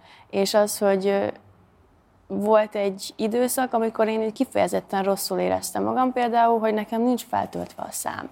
És amikor már itt van egy ember, egy nő, egy 20 éves nő, hogy egyszerűen rosszul érzi magát azért, mert nincs feltöltve a szája, az lehet, hogy már egy elég erős jel arra, hogy egy kicsit túltoltuk az Instagramot, és én akkor így ki is követtem minden influencert, meg amúgy mindenkit, mert akkor döntöttem el, hogy valószínűleg, és ez no offense, meg, meg nyilván neki is megvannak az okai, hogy miért csinálja, de, de az, hogy Kylie Jenner-t követjük, mint, mint példakép, meg, meg olyanok, igen, meg olyanok akarunk lenni, mint Kim Kardashian. Minden. Igen. Az, az egy olyan trend, ami elég toxikus. És ö, nekem ez kifejezetten, szóval ez a értékrendek felborulása, meg az, hogy ez a követendő példa, mert azt látod, hogy ú, mennyi figyelmet kapnak, mennyi szeretetet kapnak, akkor én is ezt akarom csinálni, és sajnos már így minden harmadik, negyedik nő az utcán ugyanúgy akar, vagy néz ki, mint a legnagyobb fashion beauty influencerek, és, és ezáltal ez szerintem kihatása van a hétköznapi életünkre, meg a kapcsolatainkra, amikor ö, valakivel élőben szemben ülsz, és közben azon gondolkodsz, hogy fú, most elég jó vagyok, vagy itt van egy pattanás, az most nem nagy cink, meg fú, elég vékony vagyok, vagy jó ez a ruha, vagy fú, de rossz, hogy nem vehettem meg a legújabb cipőt, vagy hogy most férfi szempontból is, amikor egész nap ilyen-olyan formákat nézel az Instagramon, és aztán hazamész a barátnődhöz, egyszerűen az Insta annyira intenzív a való élethez képest, hogy beszennyezi ez is az elmét. Igen, konzumerizmus meg testkép. zavar. Testképzavar gy- gyakorlatilag, és ez én is érzékeltem. Egyébként nekem ilyen beszámolóknál mindig ö, leesik, hogy, hogy én akármit is mondhatok a TikTokról, én elképesztő szerencsés vagyok, mert pont úgy sodródtam, hogy ezek nekem soha nem voltak. Mm. Nekem a, az egyetlen ilyen zavaros időszakom a testemmel kapcsolatban az még általános iskolában volt, és teljesen ö, social médiától külön egy másik világban. Ö, és nekem egyébként a TikTok többet segített, mint ártott, ö, szerintem, pláne azért, mert ö, azzal, hogy elkezdesz megnyilvánulni online, azzal nagyon sok mindenben tudsz fejlődni egyébként. Tehát, hogy, hogy már csak az, hogy, hogy hogyan fogalmazod meg a dolgaidat, hogy ne impulzívan beszéljél, hogy gondold végig, hogy miket mondasz. Ez szerintem mind, mind olyan dolog, amiket egyébként tök jól meg lehet tanulni, hogyha ezt okosan csinálod. Viszont, ami nekem nagyon káros volt a, a TikTokkal, meg így a social médiával kapcsolatban, az pont az volt, amikor el, tehát több követőm lett, és hát nyilván így több influencer barátom is, tehát hogy azért így jártunk össze, meg mit tudom és mindig megkaptam, hogy én nem, nem kérek elég pénzt, mert nem vállalok több ö, ö, hirdetést, és most ez no offense, mert ha valaki ebből meg akar élni, akkor így akar megélni, engem ez nem érdekel, csak ilyenkor engem mindig elkezdett nagyon frusztrálni, hogy tényleg ezt kéne. Nyomás, nyomás van rajta gyakorlatilag, minél több követőd van, annál több követő vár el több dolgot, és minél kevésbé szeretnéd azokat teljesíteni, meg abban a rendszerbe beilleszkedni, annál nagyobb lesz az ellen hatás. Meg egyébként nekem ez az egész hirdetés dolog, szóval hogy én, én őszintén hobbiból csinálom ezt, Mhm. és, és nekem időm sincsen arra, hogy e-mailekre reagáljak, ezt szerintem már sokan tapasztalták, és, és emiatt így lemeredok olyan hirdetés lehetőségekről, amiket egyébként elvállalnék, csak közben nem, tehát, hogy engem ez idegesít amúgy szerintem, és ez volt rám a legrosszabb hatás, hogy tényleg ilyen szorongok attól, hogy, hogy én nem, nincsen időm e- ezekre, meg nem akarom így képviselni ezeket a dolgokat feltétlenül. De és nem, Igen, ez egy, addig egy egészséges dolog, amíg jó kedvből csináljuk ténylegesen, meg úgy is pörgetjük, hogy jó kedv, és én is csak azt mondom, hogy nekem is eljutott egy olyan pontra, amikor azt mondtam, hogy ez nekem már nem biztos, hogy jó, mert olyan dolgokat mondanak a különböző emberek. te is nem lett ettől az élménytől osztálytudatod? Mert hogy nem arról szól, Hogy mi? Hogy érted ezt?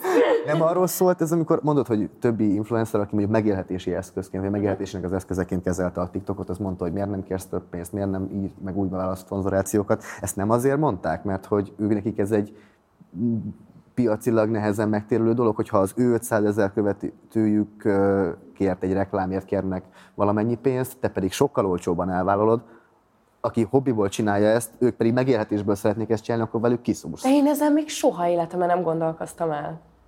És amúgy, hát, de, benne van nyilván. Vagy hát nem hiszem, mert azért nem ilyen számító emberekkel barátkozom, de Hát hogy... Nem, ö, érted, ez, ez az, hogy ők, ők beárazzák a saját munkájukat valahova, és akkor azt mondják, Igen. hogy bro, ne add el fele annyira tojást, mert nekem ennyiben éri meg. Wow. Ezt egyáltalán nem gondoltam. Most ez is sokkal teljesen nem, nem gondoltam ezt végig. De egyébként közben meg, szóval, hogyha ez is a, az érv, akkor mellette azért az egy elég erős érv, hogyha nem válaszolok viszont az e-mailekre, akkor tehát nincsen, Ja, akkor jó. nincsen Igen, semmi igen. kínálatom igazából a piacon, Igen, szóval igen. nem kell nagyon aggódniuk. Ne aggódjatok. semmi baj nem lesz itt a piacon. Igen, ez, ez, ez érdekes történet, ezért ez a, ezek a látszat jelenségek, és hogy ezek hogyan határoznak meg. És én gondolkodom rajta, de hogy én annyira, ez egy ilyen, egy darabig tudod, ezt csináltam ezt a boomerségből identitásfaragás dolgot, hogy én nekem nincsen Instagramom, én nekem nincsen TikTokom, én azt tudom, hogy mi az, egy Facebook posztot nem tudok kirakni. Aztán rájöttem, hogy ez valószínűleg, ez valószínűleg annak lehet a következménye, hogy hogy pont azokat a dolgokat, amiket mondtok és megéltetek, mint trauma, vagy mint testképzavar, vagy bármilyen formában megjelenő probléma a social médiától, engem valószínűleg inkább az, nem tudom, szerintem ez egy önvédelmi mechanizmus volt, hogy próbáljam magam megvédeni ezektől De- a dolgoktól, és akkor azért játszom a nagyapát, meg, meg, meg, Ez egy meg természetes határolódok el. reakció szerintem. Igen, de ugyanakkor meg tök káros. Mert hogy Mármint? Elszigetelni magad a social el, médiától? igen. Én ö, őszintén, amikor két-három napig nem istázok, tiktokozok, attól függetlenül, hogy nem pörgetek insta modelleket, jobban érzem magam. Ja nem, úgy persze, meg szünetet tartani, meg ilyesmi, az tök jó, csak Ja. identitást faragni, és arra büszkének Ja, lenni, hogy nyilván, ja, én azt sem nyilván, tudom, mi nyilván. ez, meg mit tudom én, ez amúgy tök problémás. Ö, Fontosak a miértek. Igen. Azzal én se értek egyet egyébként, hogy van egy online karakterünk, ami amúgy teljesen más, mint a valóság, és, ez, és ezért az online karakterért nem vállalunk felelősséget. Én azért vettem egy kicsit vissza a social media posztolásból mostanában, mert most pont abban a fázisban vagyok, hogy egy kicsit sok nekem ez, meg egy kicsit túl intenzív az, ami most megy online, és, és én nagyon érzékeny vagyok, ezért mindig igyekszem megválogatni azt, hogy mit rakok ki, és már egy csomó mindent kiraktam, már egy csomóan elkezdtek követni, és most vagyok azon a ponton, hogy jó, ezt picit vissza kell fogni, mert nem akarok feltétlenül egy olyan online identitást kreálni, ami a valóságtól távol áll. És régen ezt csináltam, és ezért szedtem le nagyon sok tartalmamat, hogy modellkedtem, és nem én vagyok az egyetlen, aki erről beszél, hogy, hogy ez az online felelősségvállalás is ugyanolyan fontos, és én nem vállaltam felelősséget azért, hogy hogy viselkedtem az interneten. Beleértve azt, hogy ha nekem volt egy bikini fotózásom, azonnal posztoltam ki, de amúgy a való életben meg nem érzem jól magam, ha rövid nadrágban vagyok férfiak között, és ez, ez, ez kreál egy ilyen teljesen valótlan identitás tudatot, amitől már megzavarodik szinte az ember, hogy most akkor, most akkor mi vagyok, most akkor visszafogott vagyok, vagy excentrikus vagyok, vagy hát online ilyen vagyok, de az él, élővilág, vagy a való világban ilyen vagyok. Ez káros. Ez szerintem rohadt érdekes, mert ugye, igen, ez még az elején is felmerült, hogy ezt a realséget hogy lehet megtartani, és hogy vajon De mik a miértjeink? nem így kerülsz, keves- hogy mondjam, hátrányba akár a szakmán belül, hogyha te, bocs, én real fogok maradni, nem maradsz meg az undergroundban, lehetséges-e áttörni az undergroundnak a küszöbét realnek maradva? Szerintem igen. Bárminek a küszöbét. Lehet, hogy több idő, de hosszú távon azt érzem meg, azt gondolom, hogy sokkal kifizetődőbb, mert hogyha egy kamu dolgot csinálsz, vagy egy, egy olyan dolgot képviselsz, vagy mutatsz magadról, ami nem te vagy, az hosszú távon nem fenntartható. Mert rájössz, hogy én nem érzem jól magam, miközben ezt csinálom, és ugyanez volt velem, amikor posztoltam ezeket a filmesztelen modellképeket, hogy tök jó ez a 200, 300, 2000 idővel több ezer like, csak nem érzem jól magam egyébként, mert ez a jó érzés addig tart, amíg nézem, hogy ki lájkolt, de amíg ez ugyanolyan, ezek a igen, de amíg, amíg én ezen így elflesselek, hogy hú, de sokan néznek, a való életben igazából ezek az emberek nem tisztelnek. Tehát, hogy nem vagyok több nekik, mint egy jó kép. Nekem egyébként pont ezért volt a From Day One körülbelül az az ilyen elképzelésem, hogy, hogy én arról szeretnék beszélni, amit megtapasztaltam, uh-huh. úgy elmondani, ahogy én megtapasztaltam. És ezért volt nekem a legelején mindig ilyen story time ö, dolgaim voltak, amik nyilván viccből, meg viccesek, de hogy, hogy ez, hogy, hogy én tényleg olyan dolgokról beszéljek, és olyan dolgokat vállaljak el, amik tükröznek engem, és hogy elmondhassam benne a véleményemet, és én például sajnálom most egy kis promó, hogy a Telexnél például én azt élveztem nagyon, hogy amikor elkezdtem dolgozni, ezt, ezt szépen kikötöttük, hogy igen, egyébként én vagyok én, uh-huh. és úgy dolgozzak, ahogy, ahogy, hogy benne legyen az én személyiségem is. És nekem ez tök fontos a, a social media je- jelenségben, meg a jelenlétemben, hogy, hogy én ott egyébként szerintem nem nagyban különbözök attól, amilyen egyébként tényleg vagyok az, az életben is, és ez azt is jelenti, hogy mondjuk ha négy évvel ezelőtti videómat nézed vissza, teljesen más embert fogsz látni, mert végig lehet követni a fejlődésemet. Ezt pont ezt akartam kérdezni, én is ezt tapasztaltam, vagy ezt akartam mondani, hogy nyilván csak tök felül- tök felületesen ismerlek, de hogy így nem érzek különbséget a internetes personál meg a offline personál között, hogy ebben segített az, hogy, hogy az, hogy 14 évesen, ha jól tudom, akkor kezdted el, vagy emlékszem, igen. akkor kezdted el használni a titokat, meg tartalmat gyártani, hogy, hogy ez segít abban, hogy őszintén tudjad kifejezni magadat többféle kontextusban is. A offline világban, az interneten van egy ilyen pozitív lé- lélektani hatása annak, hogy reprezentálod önmagadat? Szerintem abszolút igen. Nagyon sok tanulság is van benne, meg hát, tehát hogy tök jó, mert én most már tényleg eljutottam odáig, hogy, hogy én már nem küzdök bizonyos dolgokért, küzdök mondjuk ezért, de ezért már nem. Ö, tudom a határaimat, ö, pontosan tud, meg most már tényleg ö, ismerem magam, és nem csak úgy ismerem magam, hogy én, mint most Krönyek utcait veletek beszélgetek, ki vagyok, hanem azt is tudom, hogy, hogy nem tudom, amit én kirakok TikTokra, az, az így ki. És tudom, hogy milyen értékei vannak, tudom, hogy milyen hibái vannak, és ezért például engem már az, hogy valaki leírja, hogy ú, mennyire ronda vagy ma, vagy mennyire idióta vagy, az engem nem bánt, mert pontosan tudom, hogy nem. Tehát, hogy nem, nem fognak ezek elérni hozzám. Ebből a szempontból szerintem tök jó, mert viszont az építőkritikát ezt sokkal jobban megtanultam beépíteni. Tehát, hogyha valaki tényleg akár kommentál, akár mondja nekem személyesen, a személyes nyilván mindig jobban esik, de tök mindegy, akkor is tudom, hogy ezt hova kell beépíteni, és milyen mennyiségben, meg hogyan kell ezt értelmezni, hogy így hasznos legyen számomra. És szerintem ebből a szempontból tényleg egy, egy tök hasznos dolog. Meg hát nyilván így az van benne, hogy körülbelül azért felnőttem ezzel az applikációval, tehát hogy nekem az úgy nagyon sokat segített, hogy nagyon nem kellett tanulnom róla semmit, mert ott voltam, láttam, hogy miből hol fejlődött, mikor mi volt, és akkor én megértem ezeket a lépcsőket, hogy mennyire akarok tetszeni embereknek, és a végén eljutottunk odáig, hogy hát én nagyon tetszem magamnak. Én a saját szempontomból csak az, abba különbözök, hogy nekem voltak már gyerekkoromban is ilyen önbizalmi problémáim, és amikor nem nincs meg egy gyereknek például a megfelelő családi háttere, ahol megkapja azt a figyelmet, meg azt, a, azt az információt, amire szüksége van ahhoz, hogy így egészségesen tudjon megnyilvánulni a különböző felületeken, akkor ezt így magának kell kitapasztalni, és nekem is ez volt az utam, hogy rájöttem, hogy itt sok figyelmet kapok, és, és elkezdtem nyilván erre úgymond rájátszani azzal, hogy jó, akkor, akkor, akkor teszek fel még valamit, aztán még valamit, aztán még valamit, és aztán tettem fel. Csak utólag magamnak a kérdés, hogy úgy egészen pontosan, hogy tényleg magamban nézve mélyen miért csinálom ezt, mert nem kapom meg ezt a figyelmet máshonnan, vagy mert ettől érzem magam egy bizonyos státuszban, hogy most akkor én influencer vagyok, és ezeket a kérdéseket szerintem sokszor nem tesszük fel magunknak, meg nem olyan embereket követünk, akik már feltették ezt a kérdést, Igen. hanem csak az, azt követjük, akit sokan követnek és már jól néz ki, és már nem tudom, éppen viral és trendy contenteket csinál, nem biztos, hogy az jó. Igen, ez tök jó, hogy go with the flow, de ne mindegyik flow Nem, nem, not, not mindig. any flow, not every flow. Igen. Na, hát figyeljetek, az, hogy amúgy eh, szeretem a kontrasztokat, úgyhogy azért találtuk ki azt, hogy a Met után menjünk Nyugat-Afrikába, ami, hát most figyeljetek, ez ilyen multikulti lesz. Magyar diákok, akik Dániában tanulnak, Nyugat-Afrikában dolgoztak és voltak, és most őket fogjuk vendégül látni, és beszélgetnünk a tapasztalataikról. Úgyhogy jön hozzánk Bodolai Csenge és Varga Csilla, de előtte nézzünk meg egy rövid bejátszót arról, hogy milyen helyzet van Nyugat-Afrikában.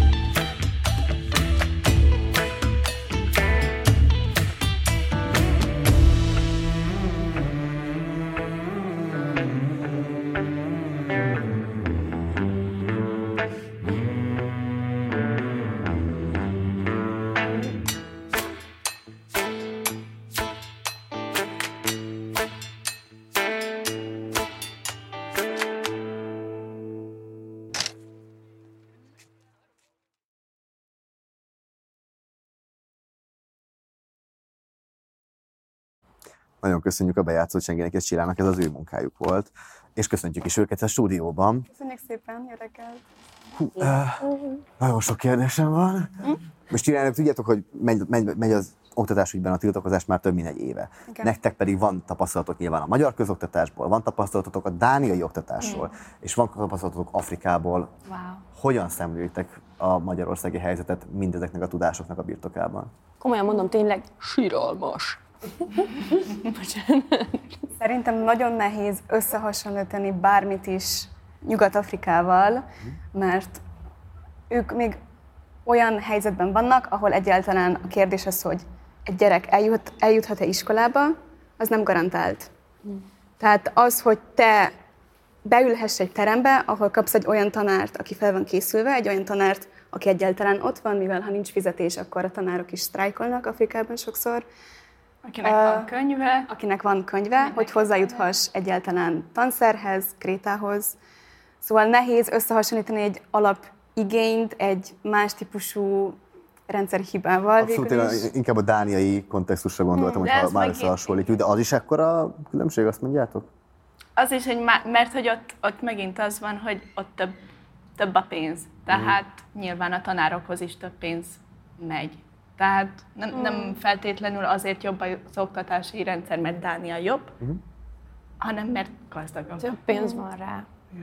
Több pénz van rá, és talán az is, mert a státusz, a tanár státusza magasabban van. Mm. Tehát ott, ha te tanár vagy, az egy jó dolog, ott tudod, hogy megbecsülnek, jó fizetést adnak, viszont ez Magyarországról nem feltétlen mondható el. Édesanyám is tanár, és tudom, hogy vannak nehézségek. Hát egy kicsit más. Egy kicsit más. Ez nagyon diplomatikus megfogalmazás, mert tudom, hogy vannak nehézségek.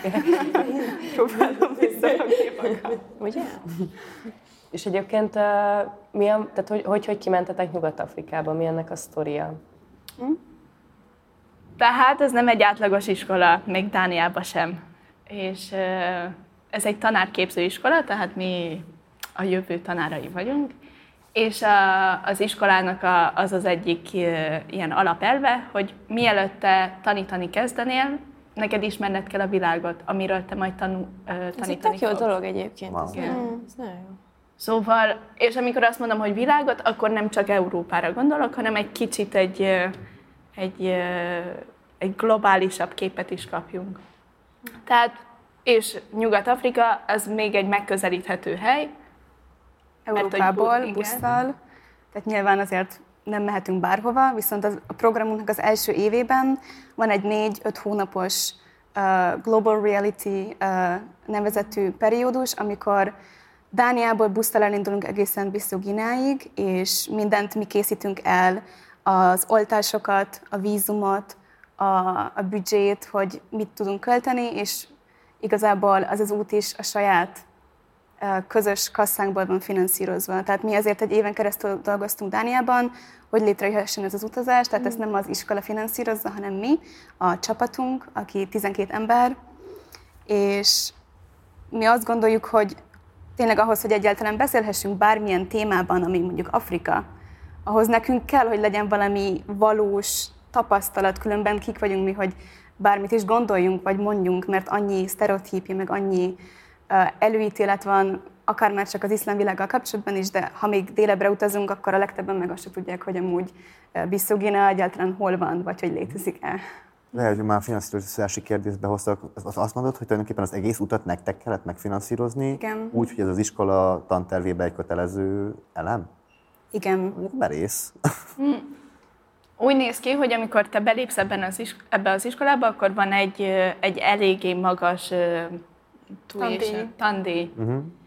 De mivel tudják, hogy a legtöbben ezt nem tudják kifizetni, ezért kapsz tehát kapsz egy lehetőséget dolgozni. Tehát ha oda mész egy évvel ez, előbb, akkor adnak neked egy munkát, te egy évig dolgozol, és akkor nem kell fizetned semmit. Wow! Mm. Milyen jellegű munkák? Ezek az egyetemen belül dolgozol? Ezek az egyetemnek különböző testvériskolái, ahol Aha. pedagógiai munkát tudunk kapni.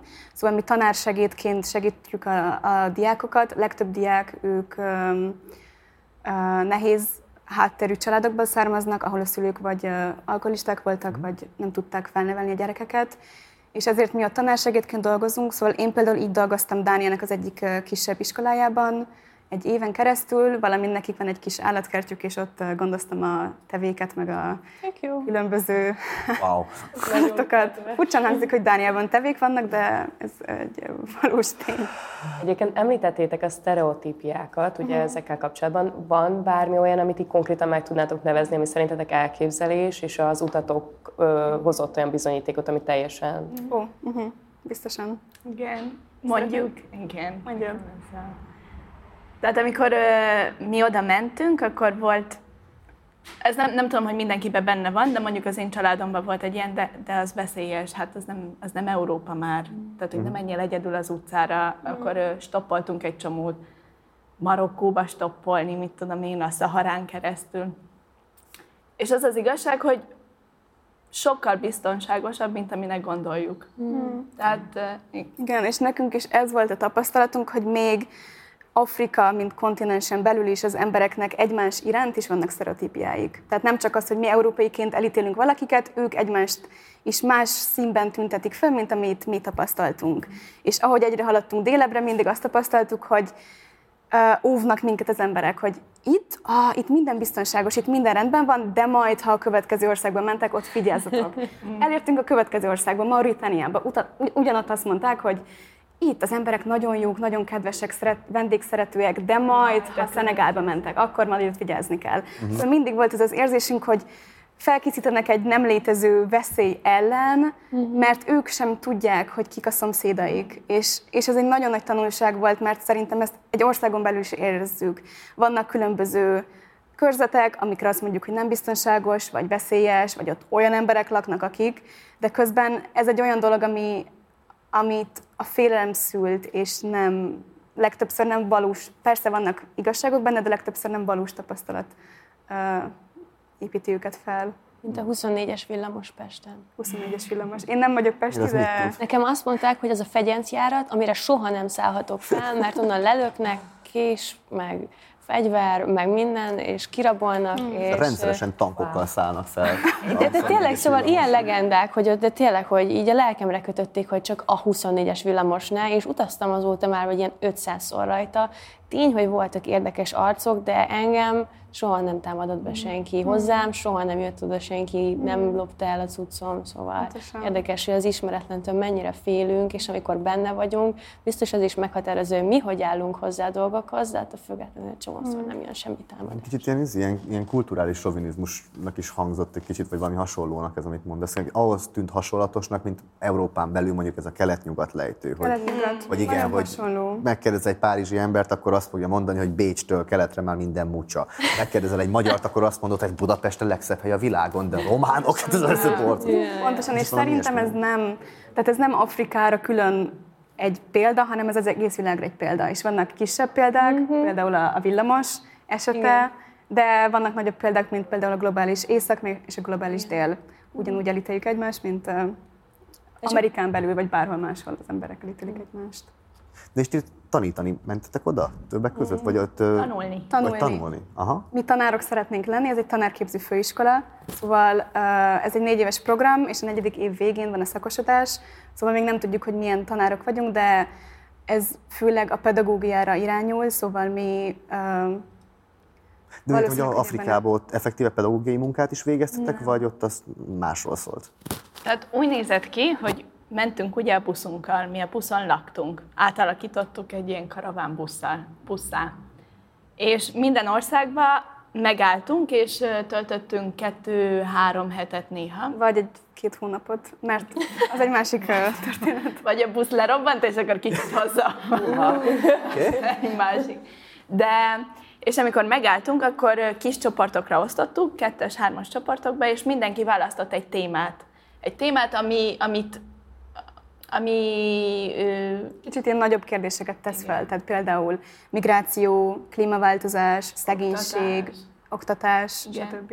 És akkor két-három napra, nem, három-négy napra ö, bepakoltuk a táskánkat, elköszöntünk a busztól, és belevágtunk a, a végtelenbe. Tök jó. És akkor, ha mondjuk az oktatásról kutattunk, akkor iskolákhoz mentünk, mm különböző szervezeteket látogattunk meg, és még az is egy érdekesség ebben, amit ez egy, úgy képzeljétek el, hogy ez egy kisebb fajta kutatás, ez nem egy több hónapos kutatás, hanem egy ilyen egyhetes dolog, ahol a partnereddel veszel egy témát, és uh, mi próbáltuk úgy beosztani az időnket, hogy uh, hogy eljussunk intézetekbe is, meg esetleg uh, kisebb falvakba, emberekkel beszélgetni. Családok. Stb. Ez egy ilyen social experiment is. Ah, pontosan. Okay. És uh, legtöbbször elég alacsony volt a kasszánk, mert direkt az volt a célunk, hogy ne, ne a pénz legyen az akadály, és ne a pénz járjon az eszünkbe, hogy most ezt megengedhetjük-e, vagy hogy kell-e. Plusz, ha nincs elég pénzed, akkor sokkal kreatívebb is vagy. Mm. Ezért mi nagyon-nagyon ritkán aludtunk hostelekben vagy szálláshelyeken, hanem családokat az utcán, akiket akikkel találkoztunk, idegenekkel, ö, beszélgettünk, és megkérdeztük, hogy tudnak-e szállást adni, szóval mi... Ez mennyire jó? Mm. Ez nagyon bátor, nekem pont ez jutott eszembe, hogy soha nem mernék ilyet csinálni. De tök menő. De ott ez sokkal természetesebb Persze, is. Tehát tudom képzelni, hogy ilyen vendégszerető ah, vagy. Gyere, ja, gyere, tehát hát, ha már itt vagy, akkor egyél, ha már ettél, akkor itt is aludhatsz. De jó, ez nagyon jó. És ilyen családokhoz, vagy? Változó családok, fiatal felnőttek, jó. nagyszülők, közösségek. Nagyon jó. Tehát ott a család az legtöbbször egy nagyobb történet. Mhm. Ott a nagyszülők együtt élnek a gyerekekkel, az unoka, a sógornő, stb. Vallásilag ott mi dominál? A, az, az iszlám. Hát, A legtöbb országban az iszlám. Úgy mentünk, hogy Marokkó iszlám, Mauritánia iszlám, ö, Szenegál Szenegál is. még iszlám, és utána lementünk Bissau Ginába. Bissau Gineában pedig már főleg keresztény dominál, de uh, még az is érdekes volt, hogy ha nő vagy, akkor még inkább védelmeznek. Hmm. És ez egy nagyon nagy tanulság volt. Uh-huh.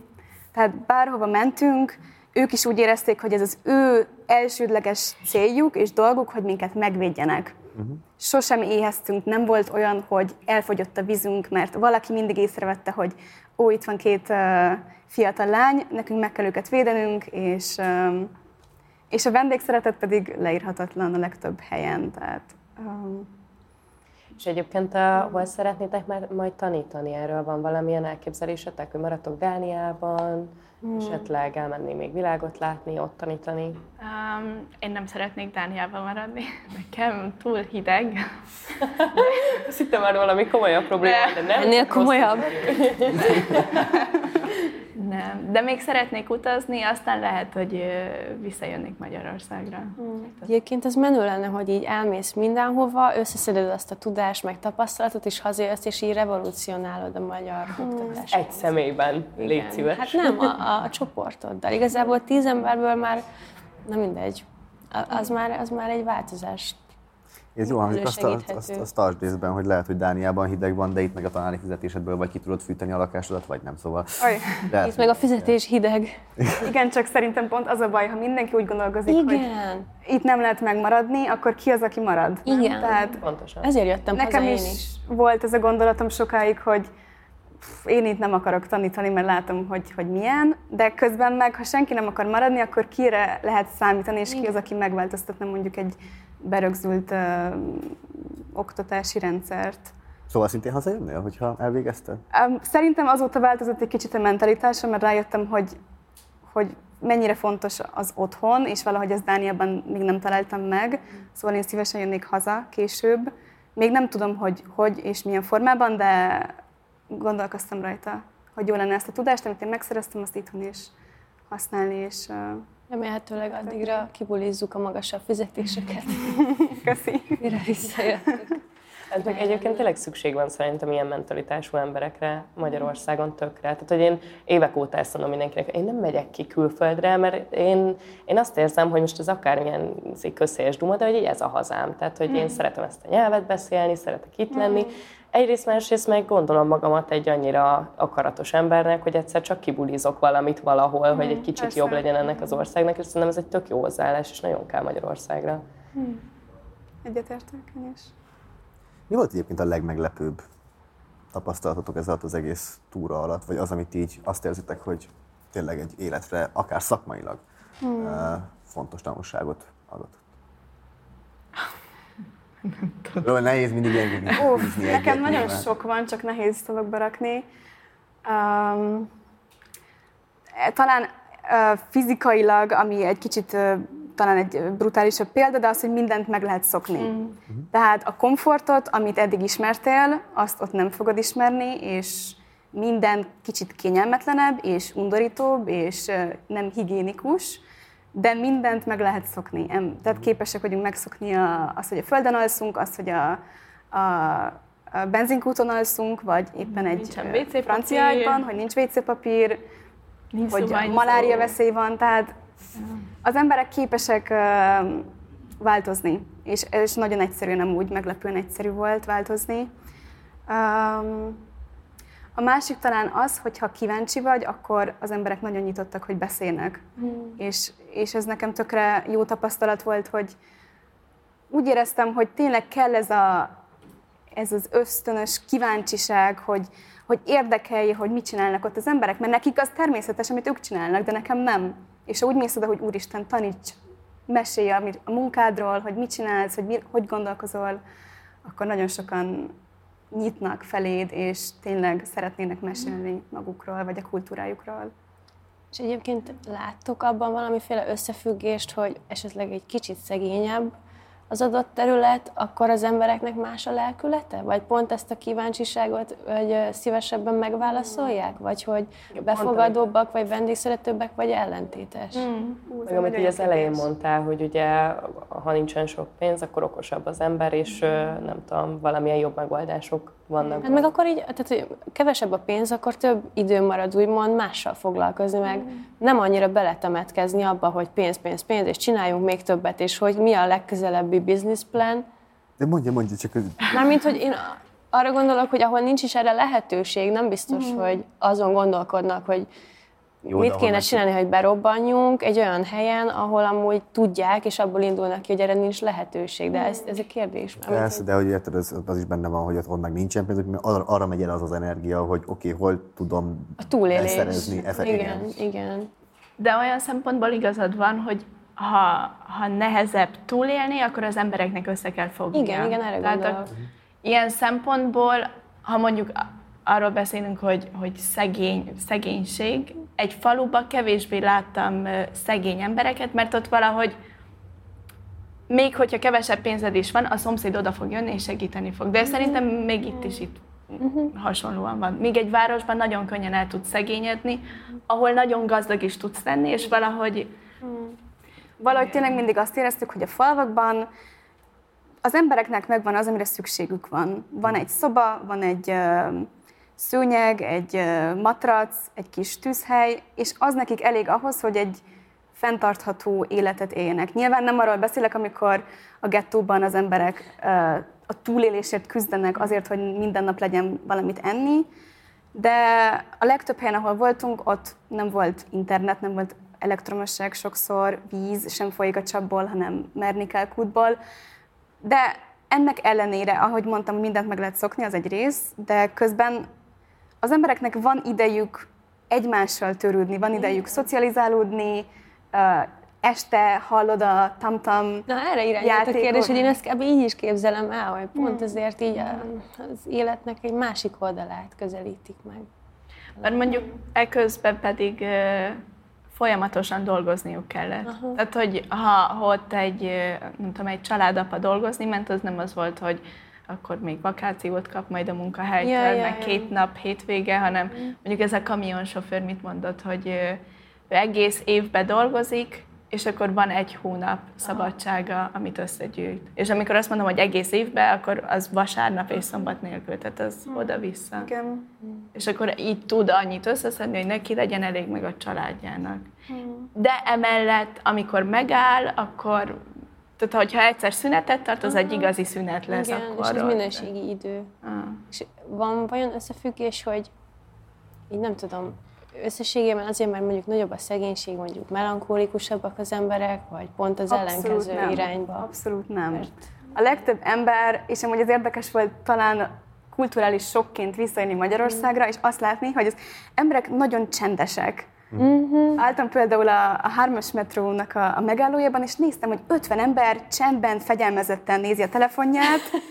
Mondom, itt nincs semmi nincs élet. izgalom, hogy nincs lélek. a kis, kis uh, szívdobogás. Igen, és, nincs lélek, erre, erre És tényleg úgy éreztük, hogy hogy úristen, itt folyamatosan pezseg az élet, még este kettőkor is az emberek az utcán főzik a teát, beszélgetnek, kiabálnak, nevetnek, és valahogy ez annyira emberi volt, uh-huh. és színes, és szép, és szerintem ezt nem akarom összekötni a szegénységgel, vagy hogy kinek van pénz, vagy kinek nincs, de valahogy nagyobb fókusz van az emberi kapcsolatokon még uh-huh. mindig, mint azon, hogy most hogy megy a biznisz, vagy mi lesz holnap a munka. Nem akarom annyira belekeverni az előző témát, de köze van ahhoz, hogy kevesebbet social médiáznak vajon?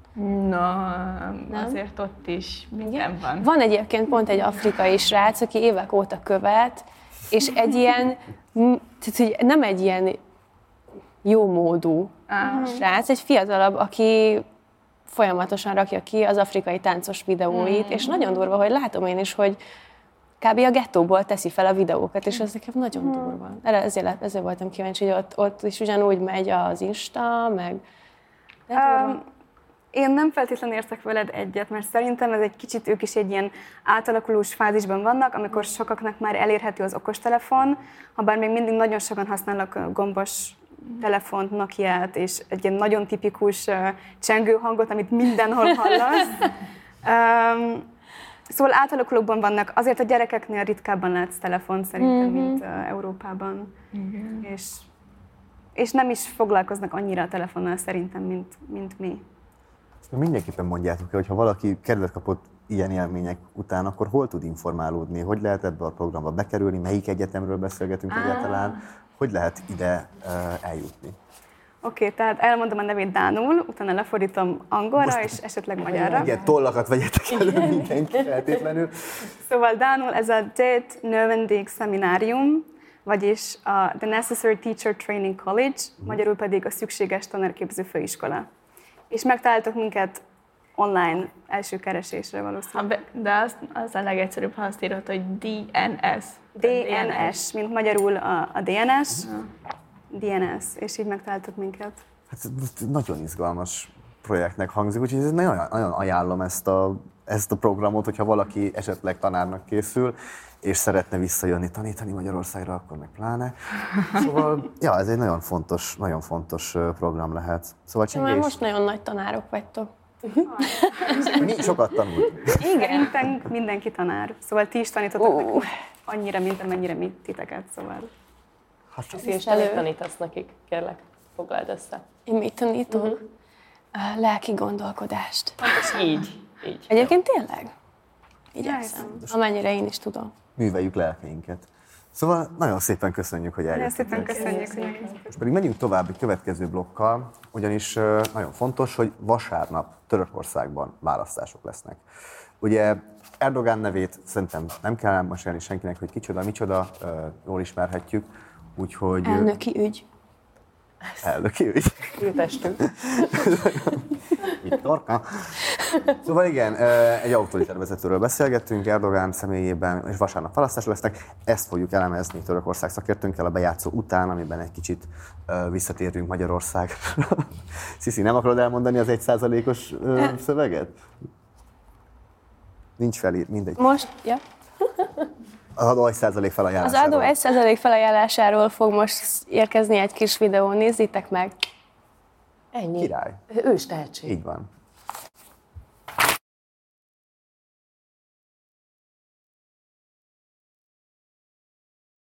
A partizánnak rád is szüksége van. Idén a személyi jövedelemadód 1%-át már nekünk is adhatod.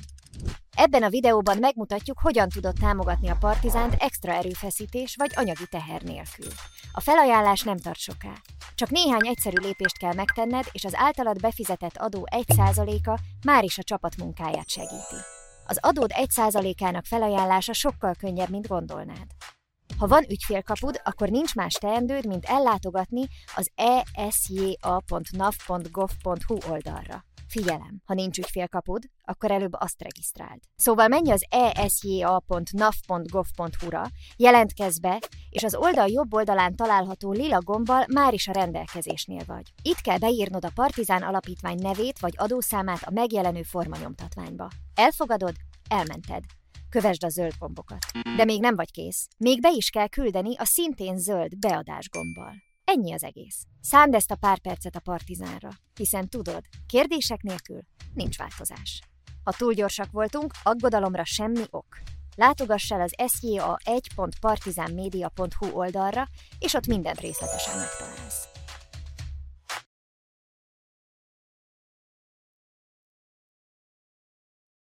És folytatjuk is az adásunkat. Itt van már velünk Egres Zoltán Törökország szakértő. Köszöntünk az adásban. Sziasztok! Élő. Mielőtt rátérnénk effektíva a választásokra, segítenél nekünk kicsit árnyalni azt, hogy milyen politikai törésvonalak mentén tagozódik jelenleg a török társadalom? Nagyon sok tör, törésvonal van Törökországban. Ugye van egy, és az ezen Erdoğannak a szavazótábora egy vallásos, konzervatív réteg. Ezt földrajziak egyébként főleg Közép-Anatóliát szokták emlegetni, de a városok, a nagyvárosok jelentős része is ide szavaz, hogy ebből a közegből jön ki, kerül ki Ankara, Isztambul, és még Izmirbe, ami egy tipikusan úgymond szekuláros, nyugatos fővárosnak számít, vagy központnak számít az országban, ott is nagyon sokan azért Erdogánra fognak szavazni, ez nem most várható. És a másik egy, ehhez kapcsolódó egy vallási törésvonal, ugye itt a török lakosság döntő része szunnita, muszlim.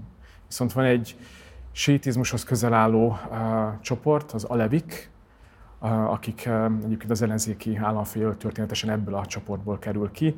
Ők tradicionálisan a uh, baloldalra szavaznak. És itt ezek olyan törésvonalak, hogy nagyon nincs átmenet. Uh-huh. Alevik jellemzően az ország keleti, középső részén élnek, de valójában mindenhol lehet velük találkozni. És jellemzően ők azok, akik Erdoganak a leghangosabb kritikusai, és akik így első ránézésre teljesen európainak tűnnek, tehát ők nem hordanak fejkendőt, gond nélkül isznak alkoholt, és így alapvetően sokkal több kapcsolódási pontjuk van a nyugathoz. És nyilván ott van még az etnikai törésvonal, a kurdoké, amely talán a leghíresebb Magyarországon. Ugye a kurdok egy indoeurópai nyelvet beszélnek, jellemzően az ország keleti, délkeleti részén élnek, míg a török többség ugye egy nyáltai nyelvet beszél, tehát itt nyelvjár, nyelvi problémák is vannak, de kurdok napjainkban élnek mindenhol, Isztambul a legnagyobb törökországi kurd város, a európai diaszpora a török állampolgároknak a jelentős része is kurd származású, viszont azért azt érdemes megemlíteni, hogy a kurdok egy jó része, aki konzervatív, vallásos, és azért belőlük is van jó pár, ők jellemzően Erdoánra szavaznak. Mm. Ez a vallási törésvonal, ez bizonyos esetekben eh, ezt az etnikai törésvonalat is felül tudja érni. És hát nyilván van egy eh, vidékváros, amely azért nem ennyire egyszerű, de jellemzően azt látható a különböző felmérésekben, hogy a kormánypárti szavazótábor az inkább a vidéki, vagy alapvetően a kevésbé képzett rétegekből kerül ki, míg a nagy, nyugatibb, vagy éppen Ankarai fővárosi központban élő értelmiségnek egy jelentős része eh, kifejezetten, hogy halevi, akkor az, az, az valamit más oldalra fog húzni. Mm. És egyébként ugye februárban Szíriát és Törökországot is hatalmas földrengések rázták meg, ugye rengeteg halott magyar mentőcsapat is volt kint Törökországban. Ez hatott a választások, vagy valószínűleg fog valamilyen fajta hatást kifejteni? A közönkutatások alapján azt látjuk, hogy ez egy nagyon kiélezett történet, és az utóbbi hetek egy-két hónapnak a hajrájában Erdogan jelentős mértékben javította a pozícióját. Hát, pár hónappal ezelőtt jóval kevesebbre mérték, mint most. Tehát jön föl, úgyhogy ebből kifolyólag én nem mondanám azt, hogy jelentős hatása volt a földrengések. Nyilván az első napok, az első pár hét az kritikus volt, de és nagyon sokan nyilván, akik hozzátartozójukat vesztették el, akik egy-két napra beszorultak a romok közé, és most nem azokra gondolok, akik a romok alá szorultak, hanem akikhez nem érkezett segítség.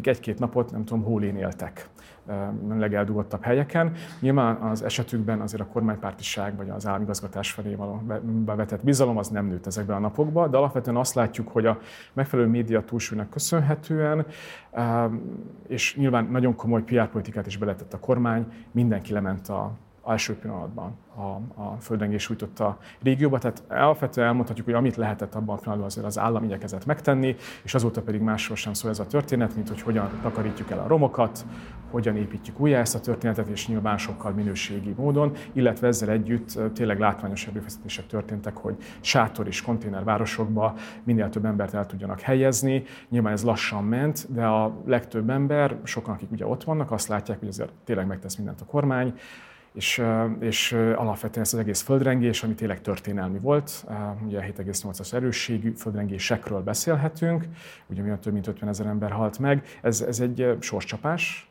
és hát nyilván a kormányzati narratív van is részben erről szól, de azt látjuk, hogy nagyon sokan így magukévá is tették, mondván, hogy ez ellen ha látható, hogy azért a török állam javult a földrengés menedzsmentben az utóbbi években, évtizedekben, de más adminisztráció sem tudott volna jobban eljárni. Úgyhogy én azt mondanám, hogy alapvetően mindenki ezt a válságkezelést a saját politikai szemüvegén nézte, aki eddig is Erdogan ellenes volt, az, az legfeljebb még jobban felháborodott, aki pedig hogy is mondjam, vagy Erdogan párti volt, vagy alapvetően megértő ebben a helyzetben, az pedig azt mondja, hogy igen, sajnos ez megtörtént, sok embert elvesztettünk, de menni kell tovább, és, és ez a vezetés, ez tesz, ez mennek tovább. Egyébként említetted itt ugye ezt a kicsit ilyen média monopóliumot, hogy ö, milyen PR-t alkalmaz, például ö, ugye Erdogán, hogy körülbelül így, így mik azok, amiket a legkönnyebben tud ö, most alkalmazni így az utolsó hajrákban? Tehát mik azok az eszközök, akár túl a médián, amikkel esetleg még tudja befolyásolni a választások kimenetelét? Ugye most uh, igazából abból kifolyólag, hogy nagyon szoros a közönkutatás szerint az állás, és igazából bármi megtörténhet még így vasárnap. Erdoánnak alapvetően két dologra kell odafigyelnie, és legalábbis ezt láthatjuk az utóbbi hetekben egyértelműen. Az egyik az, hogy amennyire lehet a hangulatot, az javítsa, és ezt még hozzá alapvetően népjólinti intézkedésekkel teszi meg. Tehát ugye Törökország egy rekordinfláción van túl tavalyról, ugye akkor különböző számítások vannak, de 85% környékén tetőzött a török infláció.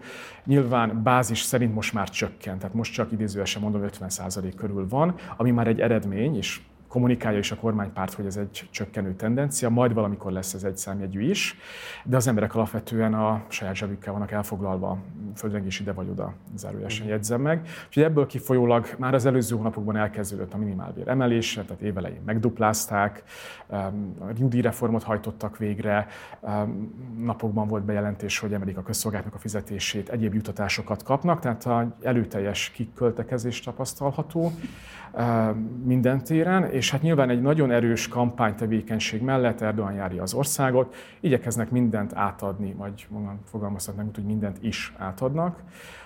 Ennek Ugye a magyar kontextushoz képest egy érdekes része a haditechnika vagy hadiparnak az eredmények a felvonultatása. Ugye ez a török kormányzati politika egyik zászlós hajója az utóbbi évek viszonylatában. Ugye a Bayraktar TB2-es drónok már de a magyar közönség is ismeri őket az ukrajnai háborúban is nagyon jól teljesítenek.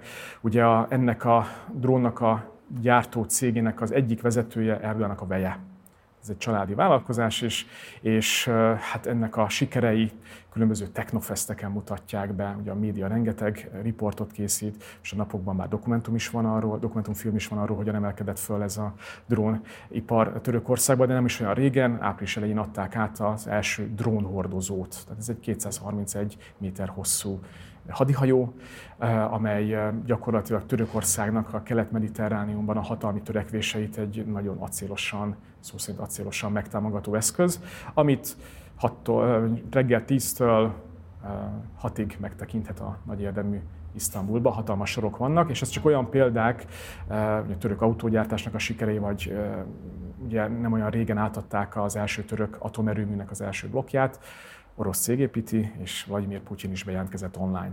Tehát ezek olyan dolgok, amiben azt lehet mondani, hogy Törökország emelkedik, Törökország megy előre, van egy erős vezető, ami megvédi az országot a különböző belső és külső ellenfelektől, és még egy dolog, amit érdemes eh, megemlíteni, hogy ebben a hónapban ingyenes a gáz, mm. mivel eh, a Fekete-tengeren már korábban találtak földgázmezőket, ezeket elkezdték kitermelni, és a államfő azt mondta, hogy a lakosságnak ez jár mielőtt Erdogánnak is szobrot állítunk, azért ö, azt is hozzá lehet tenni, hogy cserébe viszont egy ö, minimum autoriter vezetőről beszélgetünk, aki a török demokráciát hát érdekesen ö, szemléli, vagy hogy mondjam, nem feltétlenül a legdemokratikusabban kezeli.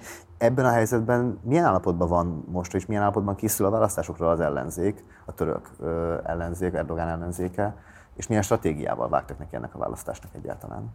Ugye az ellenzék egy jelentős része összefogott. Van egy hatpárti koalíció, amely egy rendkívül színes történet, tehát ez már önmagában egy hatalmas történelmi teljesítmény. Van benne egy ilyen szekuláris, részben a Levik által támogatott párt, ugye az ő vezetőjük Kemal Kılıçdaroğlu a jelenlegi kihívó, de mellé van egy, felsorakozott egy alapvetően Erdogan ellenes nemzeti radikális párt. Ez a két erő adja ennek a hatpárti koalíciónak a döntő részét, és akkor ezen kívül van egy, ami szintén tényleg nagy eredmény, egy még Erdogantól is egy fokkal jobbra elhelyezkedő iszlamista párt, a támogatottsága pár százalék, nem ez a döntő, de hogy ők is helyet foglaltak ebben a koalícióban, és ami megint érdekes, hogy Erdogan a két korábbi minisztere is beállt, a, az egyik még volt miniszterelnök, és beállt ebbe a sorba, ugye az előző években pártokat alapítottak, és hát ennek köszönhetően most ennek a koalíciónak a támogatottság egy olyan 40-45 százalék környékén alakul, és ehhez kapcsolódik, vagy emellé zárkóznak föl az úgynevezett baloldali kurd erők, jellemzően a baloldali kurd szekuláris szavazók a idézős mondom kurd pártra szavaznak, mi hivatalos ez egy ösztörökországi párt, és ők valószínűleg gond nélkül bejutnak a parlamentbe, tehát lesz egy ilyen harmadik erő a kormánypárti koalíción és az ellenzéki koalíción túlmenően, illetve a kurd szavazók, tehát ez a réteg, ez nagy valószínűséggel majd le fog szavazni a e, ellenzéki jelöltel szemben. Fontos hangsúlyozni, hogy ez a választás az egyértelműen Erdoğanról szól. Tehát az ellenzéki jelölt, Kemal Kılıçdaroğlu, e, mindenki által ismert a török politikába, legalább egy évtizede vezeti a pártját, nem egy karizmatikus személyiség. Még azt is meg lehet, ki lehet mondani, hogy még a legtöbb rászavazó ember a saját pártjában sem feltétlenül őt szeretné látni államfői pozícióba, de ő a kihívó. Ugye egy jóval karizmatikusabb ember lett volna az isztambuli polgármester, főpolgármester, de ő nem indulhatott, illetve egyébként az ankarai főpolgármestert is jobbra mérték, de ő sem kívánt indulni, ő nem kívánt indulni. Ugye ennek köszönhetően lett a, esett a választás végül Kirisdarul aki legalább egy régi motoros a török politikába, és a másik két rendkívül népszerű főpolgármester pedig támogatja őt, úgyhogy igazából itt hárman csinálják a kampányt, mind a mellett egyébként, hogy az ellenzéki pártok, tehát az ő koalíciónak tagjának a tagjai is beszálltak ebbe, a különböző vezetők is járják az országot, úgyhogy ez egy nagy kampány hajrá van. És hát igyekszik ez az ellenzék alapvetően mindent megígérni, részben nyilván gazdasági sikereket, alacsony inflációt és magas GDP növekedést, ebből a szempontból nincs lényegi különbség a kormányzati szólamokkal szemben. Ami viszont a legfontosabb üzenetük, hogy leépítenék az elnöki rendszert, és egy jóval demokratikusabb Törökországot építenének, és nyilván ez Nyugat-Európa vagy Amerika felé is igyekeznek kommunikálni, úgyhogy ebből a szempontból erre jobban megítélésük. Ez a más kérdés, hogy ezt meg tudják-e tenni, már abban az esetben is, hogyha hatalomra kerülnek, hiszen az elnöki rendszer, ez a pozíció, amit Erdogan kiépített az előző években, ez rendkívül kecsegtető bárkinek, hiszen akárki kerül a hatalomra, vagy ebbe a pozícióba, ő fogja kinevezni a kormányt, nem a parlamentnek, nem a parlamentnek jóval kisebb ráhatása lesz erre a folyamatra. És akkor milyen következményei lehetnek egy esetleges ellenzéki győzelemnek? Mármint, hogyha Erdogan ennyire determinált, akkor, akkor lehet, hogy nem fogja elfogadni, hogyha esetleg veszít? Vagy ez egy nyitott kérdés, és Törökország az az ország, ahol bármi elképzelhető. Igen, ezért kérdezem. Így van. Én a, tekintve, hogy annyi mindent beletett uh, Erdogan ebbe a történetbe is, és, uh, és nagyon jön föl, jön valószínűleg ezt ő véleményem szerint meg fogja nyerni. Fogja. Akárki nyer 51 kal nem, nem több, az előző választások is nagyjából így alakultak. Az igazi kérdés az az, hogy egy fordulós lesz, vagy két fordulós. Mm. Van rajtuk kívül még két kisebb párt vagy formáció által támogatott államfélőt. Mivel ennyire szoros, és még van két másik ember, lehet, hogy lesz egy második kör, ennek ez, ez elég valószínű, de tekintve, hogy gyakorlatilag mindent is kiosztanak, és mindent is átadnak, elég valószínű, hogy ezt Erdogan meg fogja lépni, mármint, hogy ő fog nyerni. Amennyiben mégsem, akkor hát a jelenlegi helyzetben mindenféleképpen a hosszú távon fejlődésért neki át kellene adni a hatalmat különösebb gond nélkül. Egy nagyon szoros történet lesz, ha az ellenzéknél akkor is 51 százalék, mm. nem több, és könnyen lehet azt mondani, hogy akkor legyenek újraszámolások bizonyos helyeken, és ez további bizonytalanságot szülhet. Nyilván ez Erdogannak sem érdeke, de látható, hogy ő igazából nem nagyon akar második alternatívát, tehát ő mindent beletesz, és ezzel megy tovább.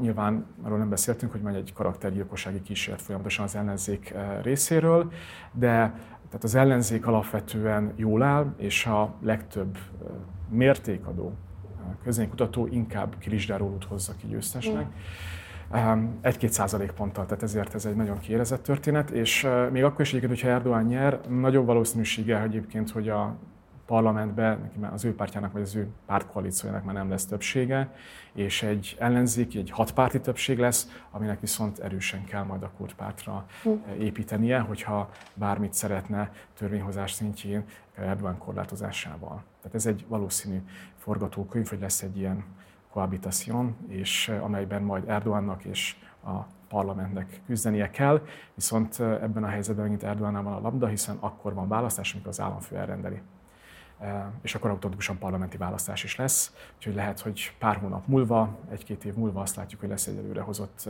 választás az országban. Jövő héten, hogyha megjön az eredmény, akkor is fogunk foglalkozni a témával, de most Egresi Szoltán nagyon szépen köszönjük, hogy képbe hozott minket egy kicsit a, a, a törökországi helyzetből ez alatt a rövid idő alatt, amennyit tudtunk erre szánni. Szóval köszönjük szépen. Köszönöm én is. Nagyon szépen köszönjük. Mi pedig eljutottunk tulajdonképpen az adásunknak a végére túlélted, Cici, te is. Super crazy. Milyen élmény volt, mennyire viselted meg Hát én most kicsit elszomorodtam. Még Bocsánat, én még nagyon kíváncsi vagyok egy valamire. Ja, hát figyelj, még itt van. Egy, egy fél, csak egy fél kérdés. Akkor jól érzékelem, hogy Erdogán a, a nyugatiasodás ellen van egy kicsit, és az ellenzéki párt pedig inkább igyekszik így az európai kultúra felé közeledni? Ezt nem így... ezt így nem lehet így kijelenteni. Igen, ezt kicsit másképpen mondanám. Nyilván az ellenzékről ez a kép itt nyugaton. Ezért kérdem, mert hogy nem tiszta teljesen. Hogy... De ez sokkal összetettebb a, a, Ja, a helyzet. Ez, akkor ez egy hosszabb kérdés. És, de röviden összefoglalva, alapvetően a török társadalom, illetve ez a török pártok döntő többség az nacionalista.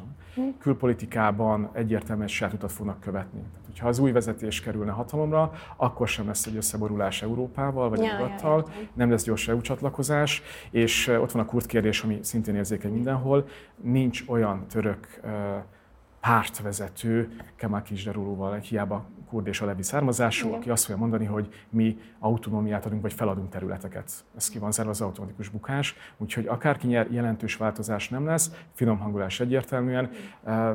Arról nem is beszélve, hogy Erdogánt rendszeresen ilyen iszlamistának definiálják. Valóban van valami konzervatív, vallásos körből jönni maga imámnak tanult, idézősen papnak. Igen. Uh, Ez az ellenzék uh, más, de alapvetően ez egy uh, szekuláris államot épít és próbálnak megtartani. Nyilván azért lesz változás az államigazgatásban és az irány, alapvetően a, hangsúlyokban, de jelentős átalakulás nem várható. Hm. Jó, akkor nem... Jó, értem. Köszönöm szépen. De örülök, tök, tök, tök, tök Nagyon érdekel egyébként, hogy De fontos, mert attól még most én le akarok izé, vagy le akarod rázni az egész az- jó, népet, van egy az műsor, egész de tök stábot. Mindegy, sokkal fontosabb, hogy feltegyed ezeket a kérdéseket te is, meg bárki is, mert hogy hát tudjátok, hogy kérdések nélkül nincsen változás, de amúgy viccel Azért azt sikerült így is. becsúsztatni. Igen, ezt tanulom Szóval- most, hogy hogyan kell izé termékel helyezni. Szóval ja, tényleg nagyon örülök. A műsorszám termék megjelenítést tartalmazott. Ezt nagyon jól mondod. Ez, Kérdezzünk be, de bocsánat. ez nagyon jó, de ez tényleg olyan tézével, mint a reklámban. Sajnos túl sokszor hallottam már. Aha. Hát Figyeljetek, nagyon köszönöm, hogy eljöttetek, és hogy Nagyon szépen levezettük ezt. köszönjük a meghívást, ez egy tök jó tapasztalat volt. Igen, és a végére belejöttetek, és most lesz vége. Hát, Legközelebb találkozunk. Egyébként is pártot alapítok, szóval stay tuned és szavazzatok rám. Így legyen, szavazatok, szavazatok Sziszire, lehet, hogy még Krajnyák Luca is beleszáll majd a párba. Koalíciós függ, hogy partnerem. Koalíciós partnerek saj- Sajnos én lehet, hogy ebből kimaradok, maradok Mindegy, egy pártatlan. személyes hadsereg. Sisi Schwarzenegger. Na jó, hát akkor még ezek a tárgyalások folytatódnak, mi pedig most nagyon szépen megköszönjük a figyelmeteket. Holnapi nap folyamán már nem lesz reggeli adás, viszont, viszont este lesz adás, és nem is akár milyen, mert Puzsé Robert fogja kérdezni Marcit arról, hogy hát amiről igazából csak szeretné. Úgyhogy ezt nézzétek élőben este héttől. Reggeli adással pedig legközelebb hétfőn jelentkezünk, akkor is én leszek, illetve, ami még fontosabb, a Carson Komából Héra Barni és Fekete Giorgio lesznek mellettem társműsorvezetők. Úgyhogy tartsatok velünk hétfőn is, és nézzétek pénteken az esti élőt. Mi pedig most elbúcsúzunk. Minden kollégám nevében nagyon szépen köszönjük a figyelmeteket. Ne felejtjétek az egy százalékot, és sziasztok!